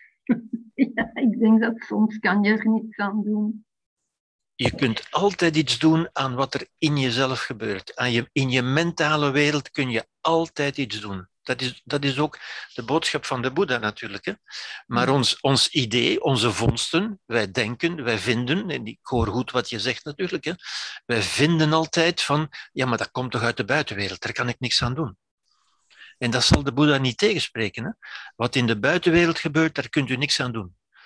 Maar wat u in uw binnenwereld ermee doet, daar kunt u alles aan doen. En daar bent u de enige die er echt iets kan aan doen. Daar kan niemand anders iets aan doen. Voor jezelf, maar je kan wel begrip opbrengen voor degene die. Ja, maar dat is iets anders. Dat, is iets anders. Ja. Uh, dat is een vraag of je begrip kunt opbrengen hoor. Je kunt zien dat andere mensen pijn hebben. Je kunt zien dat ze lijden. Je kunt daar begrip voor opbrengen of niet. Dat is nog iets anders natuurlijk. Hè. Dat is wat de Boeddha het mededogen zou noemen. Ja?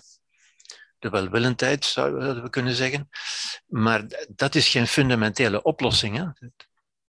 Nee. Dat is een ander aspect natuurlijk. Hè? Dat, dat kan erbij komen, maar dat is niet waar ik het hier wilde over hebben. Hè? Ja. Mhm. Okay,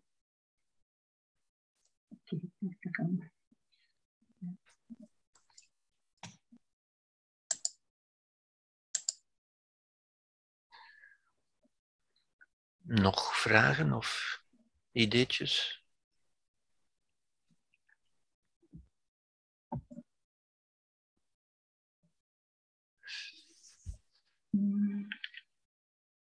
Zo niet, dan kunnen we bij deze afsluiten en dan geef ik u graag afspraak volgende week. Voor het vervolg op deze verontrustende ideeën. Dank u voor uw uitleg, want ik zag altijd die plaat hangen bij een buurman in zijn, in zijn gang. Dat, dat was een enorme plaat en ik begreep er niks van. Nu heb ik toch een beetje een uitleg. Welke plaat? Hetzelfde ah, ja. wat u daar getoond hebt. Ja, ja, ja. Dat wiel, hè? Wel, wel ja, inderdaad. Hè. Dat, is, dat, is, dat is geen, uh, geen, geen decoratie. Dat, is, dat, dat nee, nee, zit, nee, zit vol. Dat is eigenlijk de, een grafische voorstelling ja, ja. Van, de, van de leer van de Boeddha. Alles zit daar eigenlijk in. Ja. Mm -hmm. Als u de symbolen kunt lezen, natuurlijk. Hè. Ja. Ja. ja, dat kon ik niet, maar nu weet Ja. ik zoiets van. Ja. Ja.